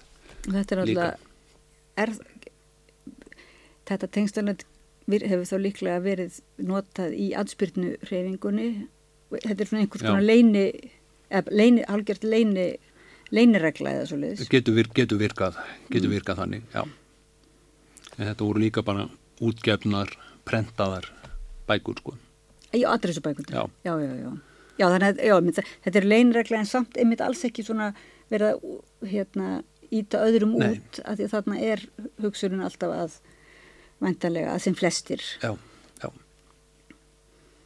Það er þannig. Viltu sína okkur að lókum hérna hinna þessum vort með litlu, ef við getum þetta sést um svo sem lítið hérna. Ég tók hérna tvær í viðbót, eða þrjár, tók þetta hérna með, þetta er eitt af þessum tímaritum sem koma hérna heima, ekki formlega sem Esperanto mm. tímaritt. Littla tímaritið sem er svona lítið. Það var lítið, þetta var Jón H. Guðmundsson, þetta kom í þremur heftum, koma þrjú hefti og þetta er aðalega smásagna þýðingar, þarna koma þýðingar á Gorki og Dostojevski, mm. ég veit ekki alveg úr hvaða tungumálum, en það er einhverja nýja tíu sögur, þýttar þarna þessum þremur heftum, um helmingurinn að því eru þýðingar úr Esperanto, bæði frumsandar og úr mm. millimáli. Þarna koma jittískar smásögur flæmskar bókmendir og, og fleira. Og Þetta, ég, já maður eiginlega komast að því hver þessi Jón Há Guðmundsson er, hann hefur verið doldið ötull útgefandi. Já, og prentari og rittöfundur líka skrifaði. Sjálfur Skrifaði sjálfur. Þetta er Dostojevski, er ekki? Þetta er Dostojevski, þetta eru rúsarnir Falleg Þetta voru mikið til á því sem þeir þýttu, ég tók ein af þessum bókum hérna með úr þessari ríturöð mm. sem heitir Internazia Mondliteratúru, alþjóðlegar heimsbókmyndir. Þetta er röð sem að margir af þessum textum sem voru þýttir þarna á 3-4 áratögnum voru þýttir upp úr meðal annars smásaga hérðan úr þessari bók eftir Dorosevic og austræn ævintýri en uh, þarna var líka bindi með uh, jidískum sögum sem var þýtt upp úr. Hérna þetta er El Libraro de Þorstein Þorsteinsson Þetta er frá Þorsteini Þorsteinsinni sem var uh, svo neitt sá fyrst í reyfingun og líkil maður í, í, í, í upphafi gánd fyrstu kjærslubókina í Esperanto líka hans safnir er meir og minn allt hann inni Já, já, já, já og hérna þetta er sem bæði þetta litla tíum ritið það helst, það er alltaf ein króna heftið. Það er ein króna heftið. Hérna var aðeins stækkað heftið. Bara... Það var síðasta heftið sem kom, hvort menn hafa reist sér hurðan á sem auksl. Ægi. Eða, maður sér það, sama ár kemur síðan Jón H. Guðmundsson sem eh, rittstjór og tímariti eh, sem hétt Íslanda Esperantisto sem var tímarit mm. gefið hún hér á Esperanto. Þannig að það getur líka verið að áherslan hafi færst á, á, á annar. Já, hérna, þetta er alveg sko, það er hérna um myndskurðin íslenska, Dostojevski og bara og Carmen, mynd af Carmen framan á, já, já, þetta er svona virkilega þessi hva, hva, upp, upplýsingahugsun. Þessi hérna, þetta var eitthvað fyrsta bókin sem að sko greip mig þegar ég fer að skoða út frá tengingunum við einmitt framúrstefnu reyfingarnar. Þessi ekki með 33, hérna sjáum við sko kápuna, bara þegar við sjáum þessa kápu. Falleg, falleg og prentgripur. Þetta eru rætur í, í nýju typografíunni, prentlistinni sem var verið að þróa við báhás og þetta eru nokkur rít, það voru gefin út rít fyrir svona alþjóðlega útbreyðslu á framhústefnu list, mm. verið að sína alla flóruna og stöðla útbreyðslunni mm.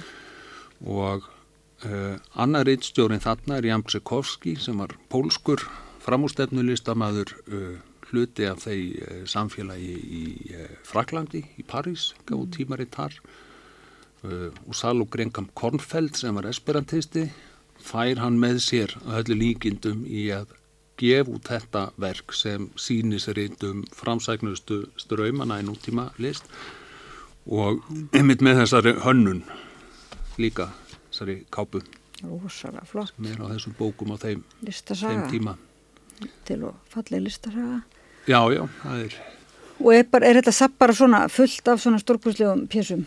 Já, já, það, það er eitt og annað sem að leynist þarna, það var hætti ekkert að koma mann á óvert sem að maður rakst á í hillurum konstruktívísk eh, fagurfræði í kápuhönnun sem er að koma hinga til Íslands á bókarkápum frá Japan í kringu 1930 wow. þannig þannig eru einhvern veginn ótrúlega eh, margt sem er að streyma hingað inn þannig, þannig gegn sem við sjáum ekki að því að þetta er á bókum á tungumáli sem að við svona erum kannski ekkit mikið að skoða en er gríðarlega mikilvægt á þessu tímabilu þetta setna, setna líka Við erum bara fara öll að hérna, fara flikkjast á Duolingo að læra hérna, Esperanto til að geta. Hérna, þýtt og hann er góðir þýðendur eins og Kristján Eriks og, og, og ef, að þú, ef að þú lærir heldur áfram að læra já, og þýða en þú, þú, þú ætlar að rannsaka þetta áfram. Ég verði eitthvað áfram, ég er núna með uh, í smíðu með mitt grein svona bara fræðilega greinum e, þessar smásagna týðingar sem ég er búin að tala um og, og, og vika eins að þarna og svona mjög grunar það að það geti jafnvel komið eitthvað, eitthvað meira. Það er bara margt eftir að gera þarna Þú hefur aldrei áhuga á mörgu svona, er það ekki? Þú, það er alltaf mikill áhuga og þú ert mjög duglegur eins og ég tók hérna eina bók og þú þýttir eða hafðir veg og vandað þýðing og ben, Benjamin, já, já, þetta er alveg rosalegur fengur hérna, þessum, þessum uh, og hann er gíðingur einmitt sem að lérst á flótta undan Svo sama tíma. Já, sama tíma. Já, já, já maður dettur inn í, inn í svona eitt og annað En við eiginlega það er svo margt sem að við ræðum ef að segja þetta gott í byli og, og kannski hittast bara næst á hala, þá við getum, það verður opið fyrir almenningar ekki að fara, jú, fara í safnið jú, alltaf þar. Já. Hvernig fyrir safnið þangað? Er það farið það? Nei, það verður núni í, í vetur einhvern tíman svona fyrir árslokk myndi ég halda. Það er svona verkefni að flytja, þetta eru svona hvað 5-6 þúsund bækur sem þarf að koma. Það er stærðin á þessu. Já, að það þarf, og, það eru esperantistar einhverjir á Íslandi núna, svona, sem tala esperanto. Já, já, við erum svona, þetta er lítið, lítið samfélag en, en, en já, við erum nokkur. Og eru sumir sem að trúa ennþá á það sem sagt virkilega geta orðið. Já, menn haldi í vonina. Já, er það ekki líka esperanto, er það ekki eitthvað í nafninu? Esper? Jú, þetta er vonandi. Já. Vonandi, heit, Já. er það bara orðið? Já, vonandi. já. Fallegt. En Benedikt Hjartarsson, ég þakka þér alveg hjartanlega fyrir að koma uh, í friðar samræðunar og þetta er nú svo sannarlega gott dæmi einmitt um friðsamlega uh, friðsamlega starfsemi sem að uh, er tekið eins og verstu ofbeldismót mælum. Þannig að þetta, þetta er umverulega algjör svona, þetta, þetta tungumál fyrir á móti meginströmmnum, er svona andspyrna í sjálfu sér. Svona pacifismin, friðarhyggjan er náttúrulega óbúslega sterkur þáttur í, í reyfingunni bara frá, frá byrjun, sko. Já, já, er það ekki einmitt. Jú, það er trú, Það er tengingar, já.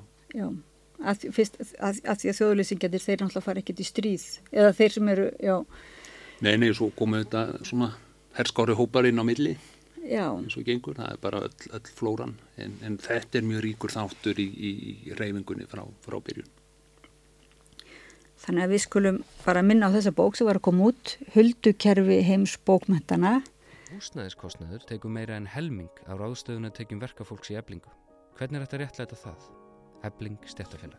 til minn er komin mjög góðu gestur sem er ekki mjög oft í sviðsljósinu og þarna fannst mér sérlega spennandi að, að draga hann í stúdióið, það er rithöfundurinn og skáldið og útgifandinn Óskar Árni Óskarsson sem var að gefa út uh, núna bara á dögunum nýja glæsilega bók sem heitir Vegamyndir Getur þú kannski bara byrjað að segja mér aðeins frá þessari bók? Já, þetta er uh, úrval uh, ljóðaminna frá og smáprósa frá hvað, 1995 til 2015 held ég að sé og þetta er svona uh, þetta er svona bókinu vegina sem liggja út úr borginni og ég er á flækingi um, eiginlega um all land bæði bæði í þorpum og ymsum krummarstöðum og, og, og, hérna. Og, og úr alfara leið og um, þetta er svona uh, temað í mínum skálskap hefur af, uh, af einhverjum ástæðum verið sko megin þráðurum verið ferðalög og staðir, það var svona alltaf heilla mig ég skrifaði á ferðalögum, skrifaði í rútum og og þetta er svona uh, afrækstur eiginlega, uh, já þetta eru 15 ár þarna 20 ár sem, er, sem ég er að, að, á faraldsvæti on the road eiginlega bara. Svolítið gaman að lesa að því maður kannast við þann takt, þennan göngutakti að þvælingstakt úr þínu verkum. En uh, það er ekki sjálfgefið að sá taktur haldist í svona yfirlitsverki eða, eða þar sem að uh, prósar koma saman, mjög oft gaman að finna að það, það næst algjörlega í þessari bók. Maður dettur inn í þennan svona, ma maður er með þér á ferðalagi eins og í hinnum örkonum Já, það, það má vel segja það held ég. Þannig að þú hefur, þú lítur að hafa valið þetta sjálfur þá? Ég valdi þetta meirið að minna sjálfur, já. Það kom út bók fyrir nokkrum árum sem hétt Reykjavíkumyndir og er svona sistra bók þessarar. Og þar sem ég valdi reyndar með fleirum teksta um eh, Reykjavík. Og þetta er sem sagt, þetta, það var líka úrval, ljóðaúrval, tekstaúrval og þetta er eiginlega framhaldið, lokapunkturinn í þessu, í. Þú, það er svona eins og, eins og þú segir, það er eins og einhvers konar sannfæring og, og jáfnvel eins og stefna í þínum skrifum og eins og lífs, uh, lífstíl að vera ekki í alfara leið og þú hefur verið svona rítstjóri eða útgefandi sm smárita. Er, þa er það þér mikið? Hva hvaðan kemur þessi samfæring? Já, ég, ég, ég hef svona alltaf verið, kannski má segja, svolítið á jæðrinum í bókmentum og dregst að svona jæðarbókmentum, eh, eigin útgáfum og ymsust líkur sem er ekki alveg svona í megin strömmnum og ég held að það sé bara eitthvað sem er í eðli mínu. Ég fættur og uppalinn í bakhúsi við Bergstæðastrætið og, og eitthvað tíma var ég kallaður bakhúsaskáld sem passar ágætlega við mig held ég. Og mm, svo er bara svo gaman að, að, að standa í þessu sjálfur að, að gefa út bækur og tímaritt, ég hef gefið út tímaritt, tímaritt er ský með Jóni Halli Stefánsinni 1990 sem var svona smá tímaritt, byrti bókmentur og myndlistagreinar. Það hafði mikil áhrif á, á okkur mörg veit ég, þetta litla tímaritt. Já, það gæti verið. Þannig kom sem margir mjög góður höfundar og fyrsti, margir sem voru stígað sinn fyrstu skref bara. Það var svona því en líka léttleiki. Það var eitthvað svona æðruleysi eða ég veit ekki. Já, ég held að það sé bara andi okkar Jónsal sko sem bara Komar. ekki of hátíðleir heldur sko og, og, og hérna þegar maður er að standa í þessu sjálfur þá ger maður þetta, ger, við gerðum þetta alveg frá að til og og núna er ég með e, á samt dóttur minni Nínu Óskarsdóttur litla reytröð þrjár hendur þar sem við bókstaflega prentum og brjótum um og, og dreifum og gerum allt sjálf og og látu þetta kosta lítið. Það er líka uh, hluti af þessu að, að þetta, þetta sé ódýrt. Fólk geti keift þetta og uh, kannski eru upplæði lítið og svo hverfur það bara og, og, og það er bara gott mál. En fyrir bókasöfnin líka? Fyrir bókasöfnin, þetta er aðgengilegt og við eins og þrjár hendur erum við með, þetta er að lesa allt á netinu og keipist, þannig að þú getur bara flett þessum litlu bókum sem, sem þar eru sko. Hér er einn þeirra Já. sem eru myndljóð eftir mig, gerð á rítvél, ég haf verið að fá svolítið við það. Já, þau eru nú mjög vinsæl svona og, fyndin. Vildu sína nokkur fleiri hérna í myndavillin, nokkur fleiri svona smá, já, smá hver? Já, já, hérna er tímariti ský sem er nú ofur lítið og uh, síðan uh, er ég með hér smárit smekkleysu sem við Bræði Ólafsson hefum gefið út en, en 6-7 rít sko sem eru svona stuttir tekstar eftir okkur báða.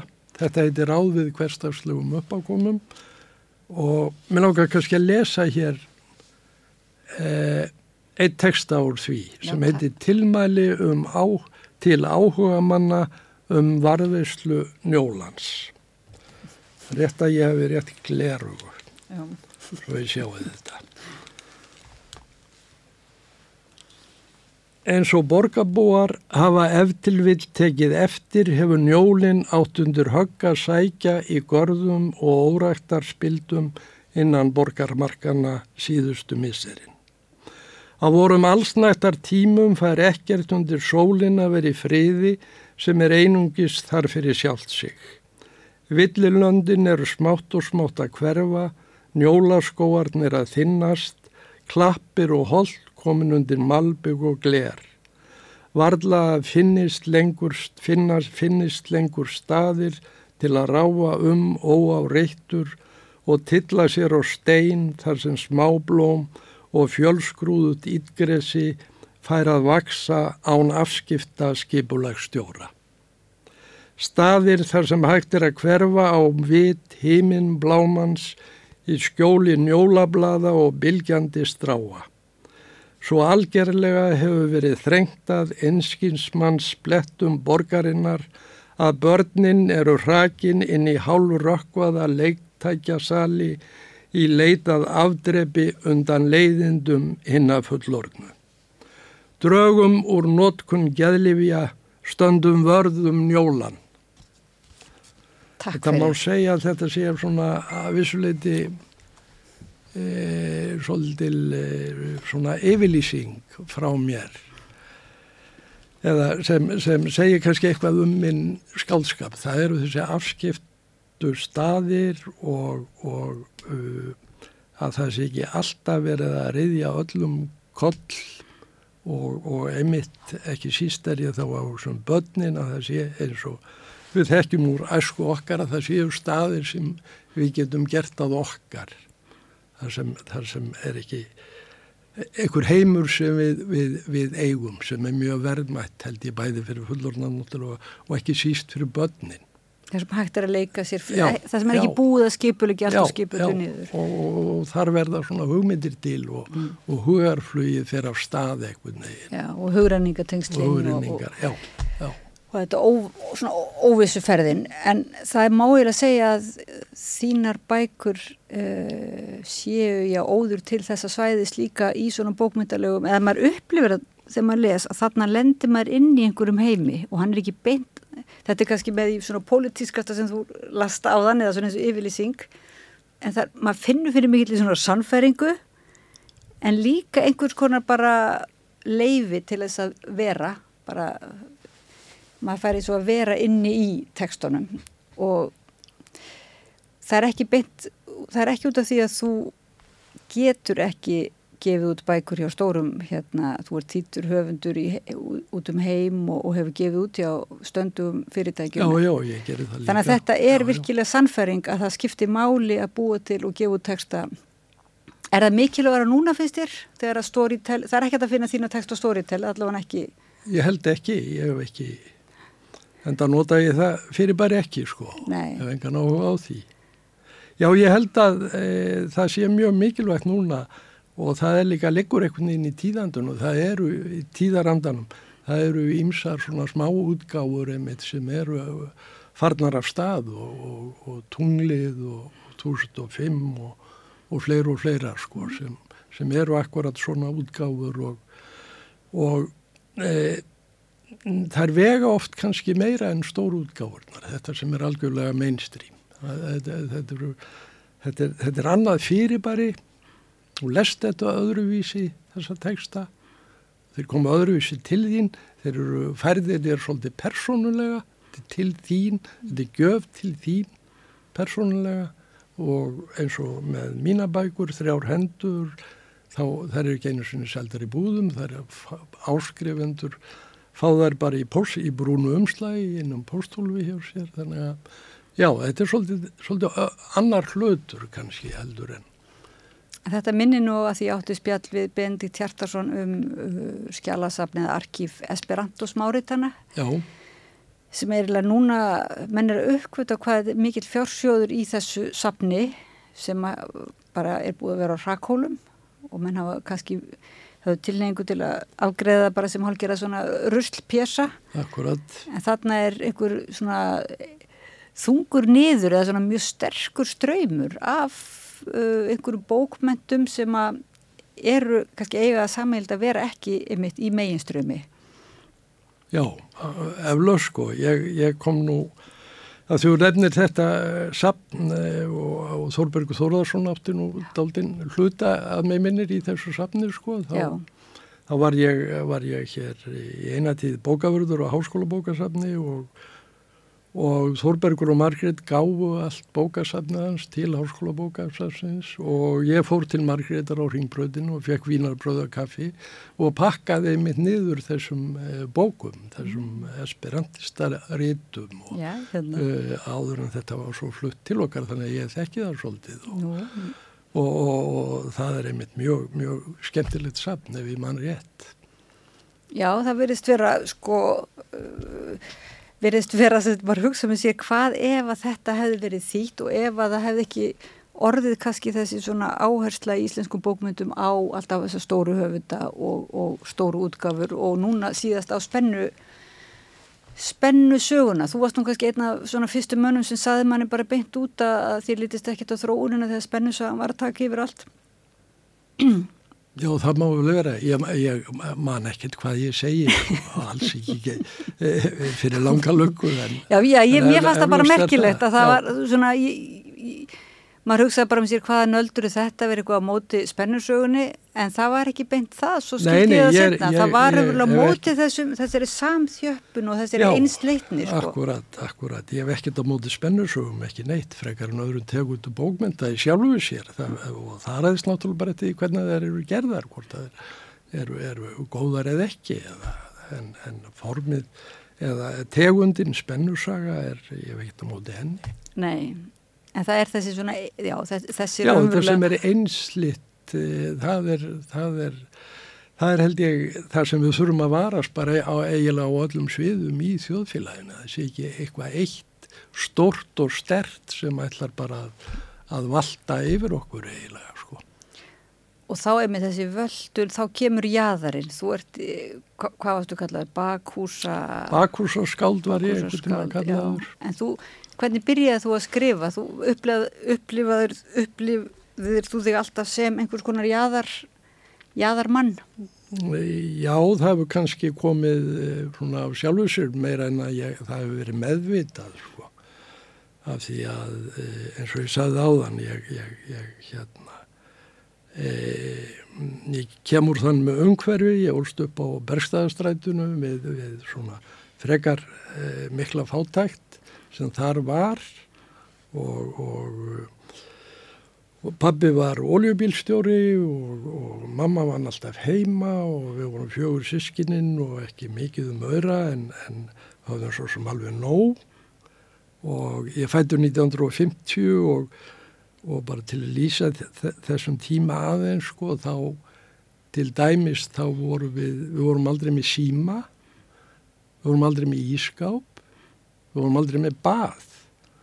Við sískinu fórum, ég er yngstur og sýstu mína fórum alltaf með mig í Bathús Reykjavíkur mm. einu sinni í viku held ég þar sem við böðum okkur þannig að þetta eru, þetta eru hérna þó sé ekki lengra tí, síðan þetta eru svona 1960 þá, þá, þá voru það náttúrulega orðið ótrúlegar breytingar sko. Mamma sendi mig alltaf út í búð að kaupa fimm vings síkaretur þá var ég sjóra og ég fór bara út í búð og kefti fimm síkaretur og fekk þar í lillum póka og fariði mömmu. Þetta er eitthvað sem er fjárstæðukent í dag held ég sko að sjóra batsi sett út í búð að kaupa fimm síkaretur andar mömmu sín. Þú ertu enn, þú yngri þryggjára segir frá þegar þú villist uh, í hverfinu. Já, það er víst, ég man nú lítið eftir því en... En, en, en Haukur Yngvarsson tekur það upp í formál, skemmtilegum formál já, þeirri bók já. þá hérna eiginlega svona er hann að pæli því hvort þú hafur síðan alltaf verið á þessu flandri síðan að þú, hvort þú hafur orðið fyrir einhverjum hughrifum á þessari, þessari... Já, trúlega er það af því, af því að ég hérna, mynd mjög ungur, eða það eru margar sögur til að mér, þá, þá fór ég á eitthvað flag að heiman og fór stundu bísna lánt og, og var, var yðurlega sko, kom ykkur fullorðið með mig heima því ég var bara hlenlega týndur sko til mamma og berstaðastræti þar. Þú varst bara forvitin og... Ég var forvitin, já. Og ég held að það hefði fyllt mér kannski að, e, að ganga um borgina og það var ábygglega að byrja að snemma og, og þá vantalega svona verið með augun opinn og séð um hverfið með, með mínum augum, notabene. Þú þekkir ótrúlega marga og hefur gengið alla tíð síðan mikið um borgina. Já, já. Ég, ég er ekki með bílpróð þannig að það segir sér svolítið sjálft að hann okkur tekið strætó eða, eða, eða, eða lappa bara og, og ég bý núna í gamla vestubænum þannig að, að ég hef svo sem allt við hendina þannig laga. Það er svo fyndin hérna, smáprósi hérna þegar múið að lýsa þú varst í vinnu á bifjölaverstaði eða dekkjaverstaði en ekki með bílpróf. Já, og... það er rétt, það er rétt. Þannig að þú, þín, já, þín raunverulega svona leið, það er algjörlega hluti af skálskapnum að hitta fólk og, og, og, og ræða málinn svona bara á jæðrinum og náttúrulega út um land líka. Þú ferðast mikið já, um Ísland já, og já. erst að móti kannski þessari svona miðju Reykjavík alltaf. Já, ég er nú alltaf þar líka, ég lók hverjum degi í, í miðbænum í Reykjavík að því ég býð það rétt við, þannig að en, en hérna Já, ég, það má segja kannski að ég byggi svolítið mín, með mín ljóð og mína texta á, á sko einmitt þessum ferðalögum og svo e, því fólki sem ég hitti sem kannski e, kemur bara eina eða tvær setningar sem flæða inn í textan sko. En e, segja vonandi eitthvað um bæði um viðkomandi mannesku og, staðin og stundina þar sem þetta gerist og Það er nú mjög gaman líka að lesa sko svona eins og aðferði þetta bókina Vatnaleiðin sem er dagbók uh, frá Stikisólmi því það er eiginlega fær maður svona einsýn í þetta einmitt hvernig þú hvernig þetta samtvinnast þitt líf og þín skrif. Já.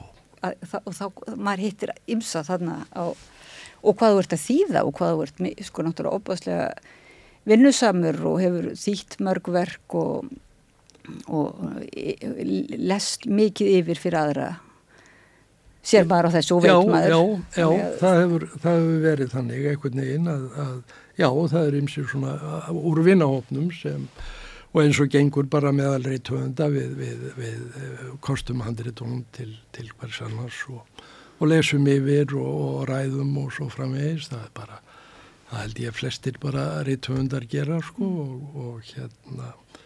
Og svo eins og í vatnarleiðinni, þessari, ég var þarna í halvt ári í Stikisólmi, vatnarsafnunu og, og var að skrifa þar og, og, og þýða svolítið og hérna sá tími árendist mér mjög vel, sko, þar var ég náttúrulega bara einn og hérna, og hafði allan tíma sem ég, allan, allan tíma bara fyrir mig og endalust eitthvað dráp og og svo setjum við tölvuna og skrifað sko en, en, en af því að það er ég verið döglegur þá það er reyndar mikil miskilningur ég, ég er mjög ég, ég er alls ekki afkasta mikil og, og mjög latur, ég er búin að vera skrifið svolítið langa tíma mm. þannig að það er kannski komið til alltaf margir titlar. Bækurnar er ekki langar en, en En, já, man, mér gröður nú samt að þú svona, já, eigir ítök í, í, í fleiri, fleiri textum en kannski. Nafnins ég ekki alltaf En, en þú hefur líka ekki alltaf verið bara einn að dóla þér í, uh, í residansjum, þú ert nú fjórabannafaðir og já, já, það lítur að hafa já, verið erfitt og tímabili að, að, að, að sjá fyrir sér og bara láta þetta gágu upp. Jú, sko, það gekk náttúrulega þegar ég, ég á fjóra stelpur og við áslug og hérna... Mm, Eh, það gekk náttúrulega lengi, ég, ég hafði engar tekjur af rittstörfum þannig, þannig að það gekk nú ekkit upp að ég fekk stundum ritthöndalaun eða listamannalaun og það kom sér vel en, en svo var ég alltaf í förstu starfi meira að minna og síðust ári í hálfu starfi en það var semst bókavörður í fullu starfi þannig að og, og hérna svo skaffiði áslu í búið og þannig svona bjargaðist þetta og, og hérna en já, það var oft þrönd þegar vorum með fjóra stelpur og, og áttum ekki miklu peninga en það bjargaðist allt, ég, mm. það er. Nú, höfum við því miður einhvern veginn, maður langar til að sitja með þér í 2-3 tíma en eh, við höfum stuttan tíma akkurát núna, gætur þú gætur þú lesið fyr, að lokum fyrir okkur uh, kannski eitthvað úr nýju bókinni? Úr vegamindum, já. Ég hérna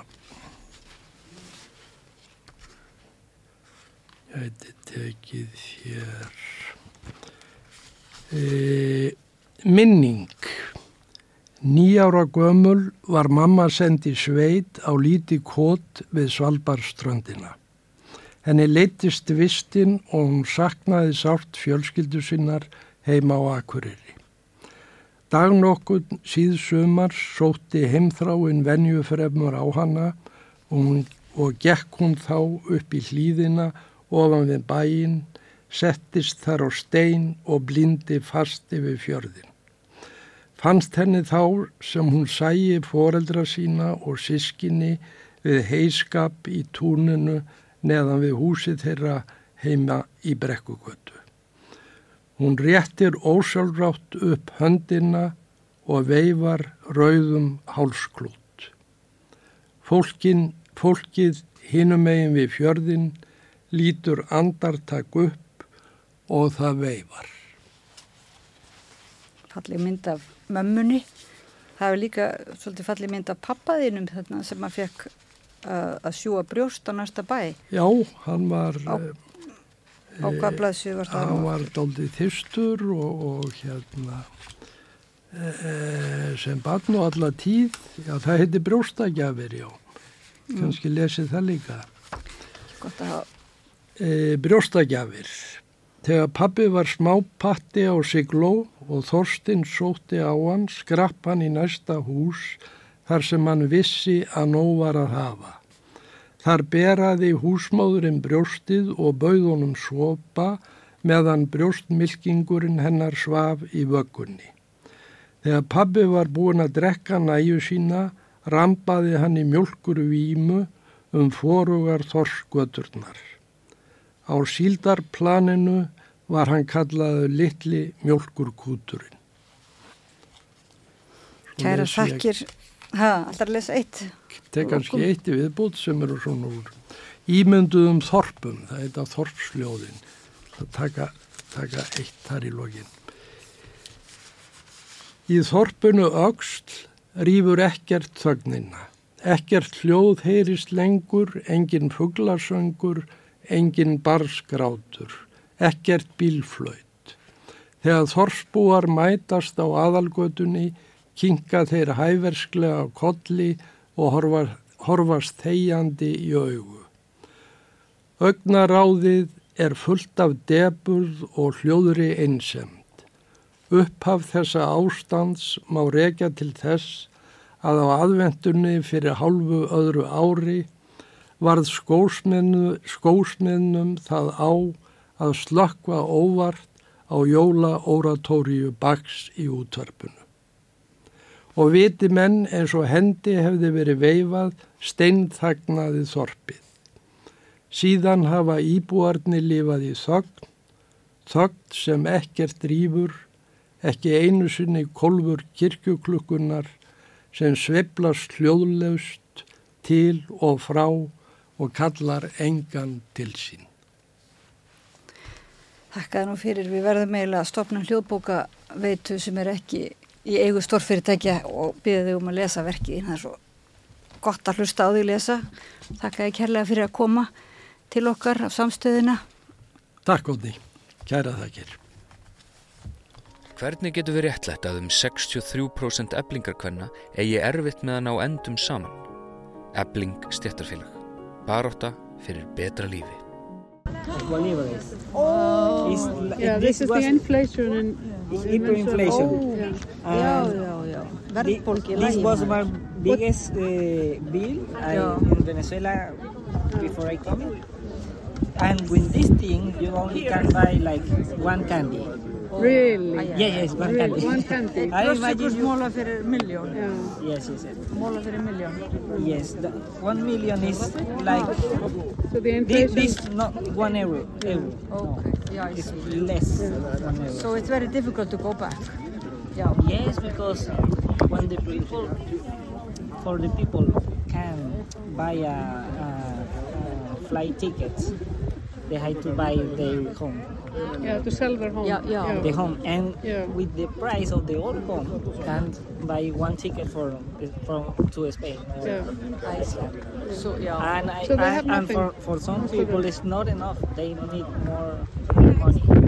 And they st- start to sell the bed, the computers, uh, the furniture, uh, other works.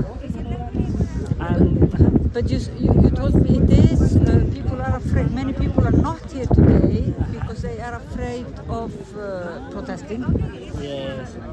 Uh, in the news I read the numbers of the Venezuelan in this situation is like 2,000. Yeah.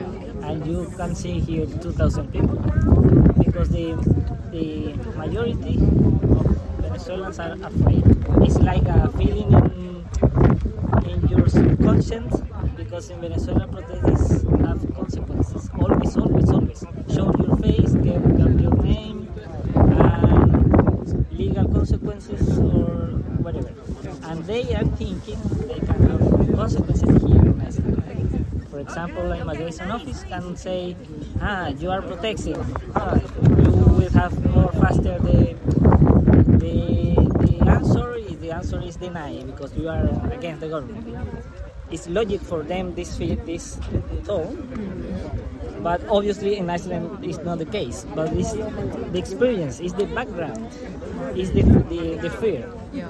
You But, know, they are it's- st- but it- there are many people here though. Yes, yes, yes. uh, many people. Are, are you surprised? Are you surprised? How many? No, because uh, Those people, yeah, those people maybe have had already a, a, a know that they are Yeah. not allowed Yeah. to stay. a lot So of they have them nothing have to like the nice and the resident permit, Yeah. and they say I don't have more to lose. Yeah. What I- about yourself? Uh, are you are you here in Iceland since uh, how long? Uh, one year ago. Okay. And you are installed and you are working. Yes, yes, I'm Your working from the day number one. Yeah. I received my resident permit, and the next day I was working. Yeah. And the previous months, because I know the problems with the legal process, I was volunteer, like six months, Salvation Army, volunteer all the time, Monday to Friday, and Sunday uh, in the church, serving too. And all of them is uh, they are uh, volunteers, Salvation Army too, in other churches, in like these places the people can eat free Yeah. here in Clemson. I Yeah. don't, I don't remember the name.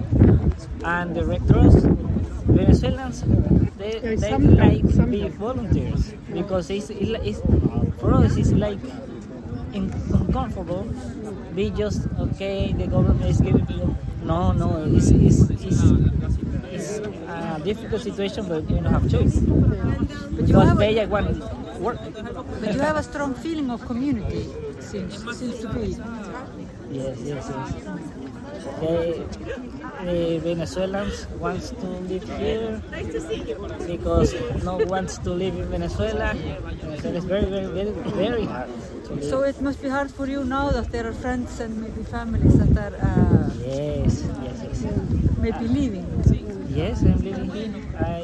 Leaving. I mean, people are maybe leaving, so you will be alone. Maybe many, many people that you know uh-huh. uh, are already in the danger of uh, leaving. Yes, yes, eh, and many people. In Salvation Army, we have like I know I don't know the the number, but like 25 volunteers working, giving his time, his strength all the time in the church, serving free, without payment, and a lot of them receive already received uh, the nice.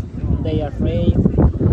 It's it's hard feelings for us because I am I am like this side of the line, and we just recommend uh, keep going, uh, keep serving the church and the people who needs, and God God will uh, will reward you. For Are you? Str- there is a strong connection uh, uh, to the church. Yes, yes, I, I, I, I am soldier in Salvation Army. It's like a member of the church.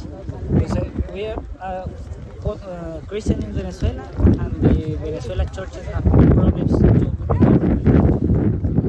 Uh, the government controlled. Actually, we say government because to understand what is it that the dictatorship is a group controls the government, the tribunal, the electoral uh, office, the, all the faces of the country. That is a dictatorship.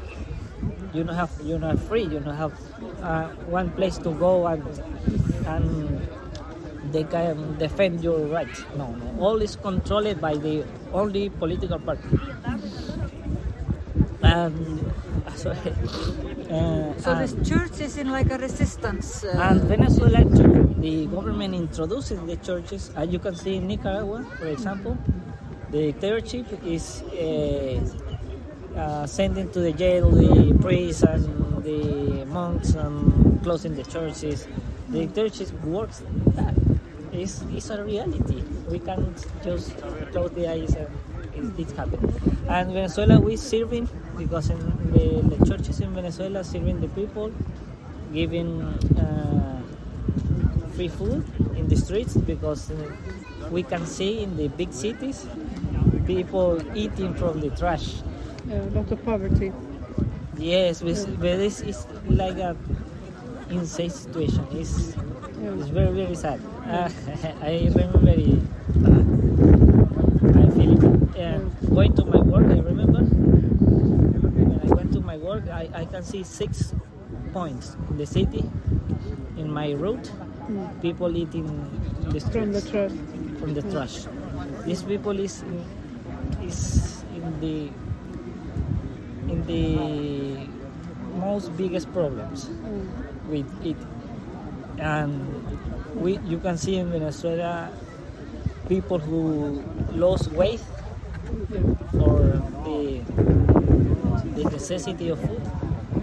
But now there is like this decision, Icelandic decision of the Icelandic government is based on the idea that the situation is getting better there. So that's fine then to, to go back. But I, Yeah. as we have heard, it's it's not true somehow. Yes, yes, not true. People are afraid also of uh, sexual trafficking and all kind of like Yes. criminal. Obviously, the, the this is this internship when they have problems, international problems with the international community, the countries, United States, European Union, all, all of them, they condemn the dictatorship of Venezuela. And from those years, the government is was working in change the international view and the government or the dictatorship in Venezuela they send, selling the idea that Venezuela has changed. They, they have uh, like adversity, publicity programs. They are Propaganda. a lot of pro- international propaganda. And for me, it's like a surprise because it's the same propaganda of the government Venezuela is changing. Obviously, the situation is different, but it's not. It's not better. It's, it's, it's still a dictatorship there. We, we are with the dicta- dictators? No. Dictators continue making violation of human rights? Yes. Recently, this month, no, in September, uh, United Nations uh, Human Rights Council, they say the last report of the human rights in Venezuela is saying Venezuela continues violating human rights. And I understand the view, this view of Venezuela changing is like, yes, it's is viol- violation human rights for politicians, not for the people. So, if they can do this for the politicians, imagine what they are doing for the people. The people don't have like a public name or they don't have nothing. They don't have, ah, okay, I am going with a phone to take photos to go another country. No, it's normal people living, they are living with this situation and one day when they are leaving their country, they don't have nothing. So is it that a de- uh, deception for you that uh, that Icelandic government believed this propaganda somehow? Yes, I think not believe it. I think this is my opinion. I, I don't like make opinions from the political of the country because it's my my opinion because it is not. Uh, I know Icelander is the internal problem, but my opinion is I know the government no believe this, but this is the legal solution to stop immigration. Okay, and because I understand the migration of Venezuelans is biggest in Iceland, and Iceland don't have this space for, for all. this. all of them understand that. The, all Venezuelans are like rationals, don't understand that. And the, the budgets in Iceland or the spaces, infrastructure is understandable. But uh, the, first, thing we have to understand is not, this is not like a Icelandic focus problem. This is a global problem. Venezuelans are in 8 million Venezuelans in all the world. 25% of the population in, in the world. Yeah. And the immigration in Iceland is zero, zero, uh, dot zero one percent of the migration. No, not a special attention or, or you know. But they are just going, going, leaving the country, and they started to come here without. The people is thinking leave the country and Yeah. don't thinking the problems in the other countries and Yeah. when we realize that we can control it it's, it's complex i think yes uh, the the country needs control but i think in my opinion not based in not based in the venezuelan pain you know? Because for, for me it's a pain like your country is good. Uh, okay it's a pain for me. And maybe and the other thing the people is living here like 10 months or one year waiting for process i understand because the infrastructure is not for all people but they they can't one day say you have to go Yeah. and one day of the life They should, it. should have done it differently. Yes, the Venezuelan youngers have like frustration because the dictatorship is stolen our future in Venezuela. Yeah, I want to be professor, other, others want to be uh, uh, like their enterprise companies or or something. And this dictatorship is stolen the dreams, and you have to go to other country and work in different jobs and or wanted work in different jobs. And one day you're waiting but you, you want to work. You lose one more year. You like it's, it's like it's, it's hard. Yeah, and it must be hard also for children that are start, like have started school, started to learn Icelandic, and uh, to have this anxiety of the uncertainty. yes, yes, yes, the children's and I don't have children I don't have that blessing but I, my my sister have children this is hard. And actually their children have like middle age. They have friends in one country and then they change in other countries.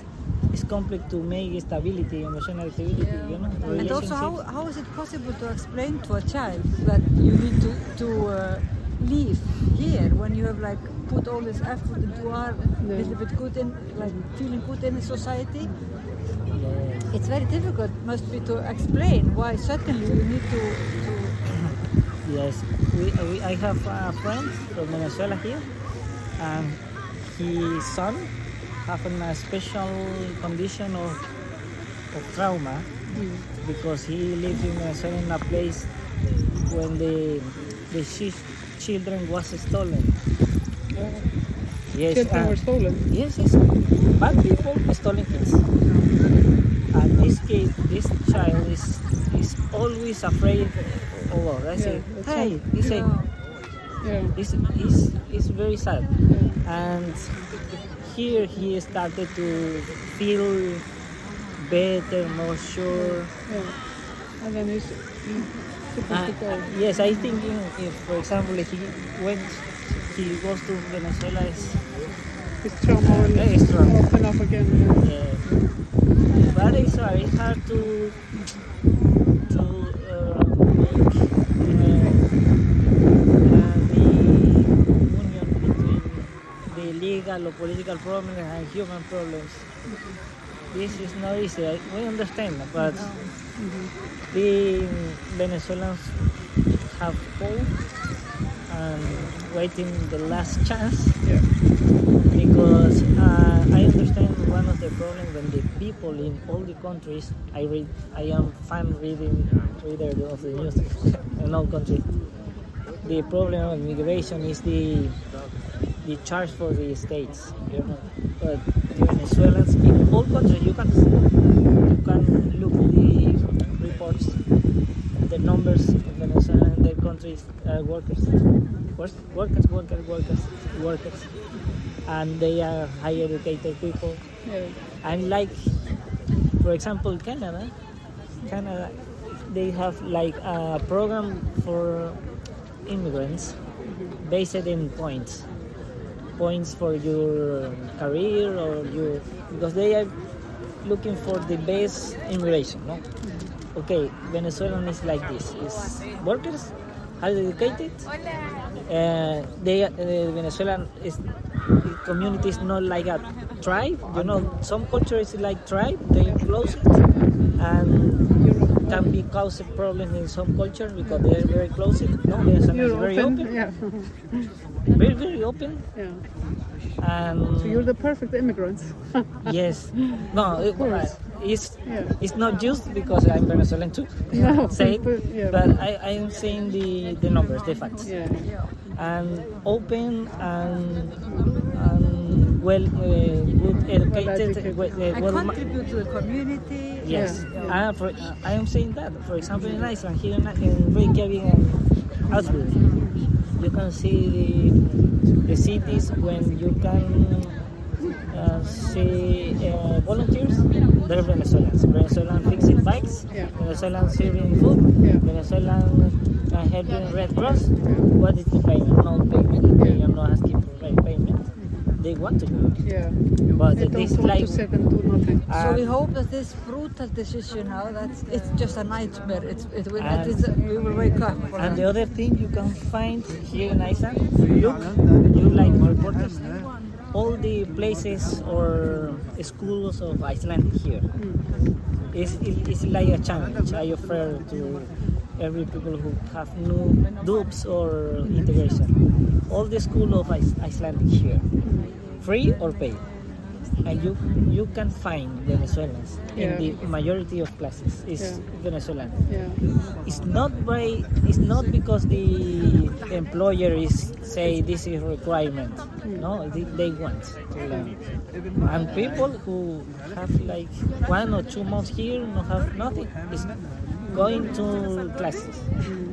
I no recommendation immigration or social service no they want Yeah. is, is this is the uh, I understand the the problem of the numbers because our population is big, but but uh, we can find uh, like a solution. But there are other numbers. Yeah. Calculations Yeah, that say also- that actually it is so very like if talking about uh, finance and numbers that it's just financially good for our society to have immigrants Yeah, that contribute to the society. You know, there are like really it's just a question of which numbers you're looking at also. Yes. There are many. A philosopher, French philosopher, call it Rousseau. He said, "I'm philosopher too. I went to college." He said eh, he was talking something like a social contract. We have an invisible social contract between the government and the citizens, and the citizens obey the law, and the government provide the the service for the needs of the. It's a philosophy. Well, imagine with the immigrants, you can have workers paying taxes. In change, you can uh, they can have the chance to live in peace. In the meantime, our country is free because, in difference of the other other immigrants, you can find. Obviously, this point is not comparison, but it's the Venezuelan case. We want Venezuelan that Venezuelan change. We want that. We want it. We we want. Some people want to go back. Yes, Yeah. some people want to come go to Venezuela. Yeah. But if there is no So they're hoping Yes. that hoping that situation will be better, so they can go back one yes, day. and Venezuelan has a active praying. Yeah. Also, just the dictatorship get down to can go to the country again. Yeah. It's our our desire.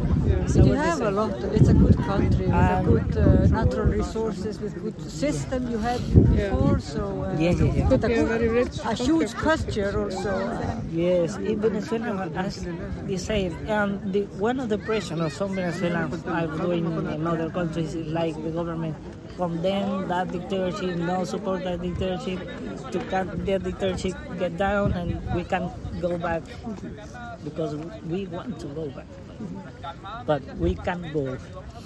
And and the the word choice is support the the in not direct or you know the non-direct the government propaganda is is the worst situation because the immigration will grace. And I, And the journalists, is there like, um, yeah, there must be some journalists that are fight against propaganda. And, uh, yes, they're journalists in Venezuela, journalists. They are making like uh, like a war to survive there because it's normal. It's like here in Iceland, the wind is higher tomorrow. In Venezuela, normal news is this journalist is in the jail Yeah. or is disappeared. yeah, it's very dangerous to be a Yeah, yeah, journalist. yeah. Yeah. and it's, it's, it's complex. So So thank you. thank you for the interview. What, what, was, what was your name again? Can I have your name? I, uh, my name is Yeheti Santiago. Santiago. Santiago, já. Thank you, Santiago. Kæra þakki fyrir. Okay, kæra þakki. Takk fyrir kærlega. Kæru hlustendur, ég þakka ykkur fyrir að uh, fylgja okkur eftir allar þær krókaleiðir í mótmæla morgunverðinum og friðarviðræðunum og ég bara hlakka til að hitta ykkur aftur vonandi næsta sunnudag ef Guð lofar. Verið sæl.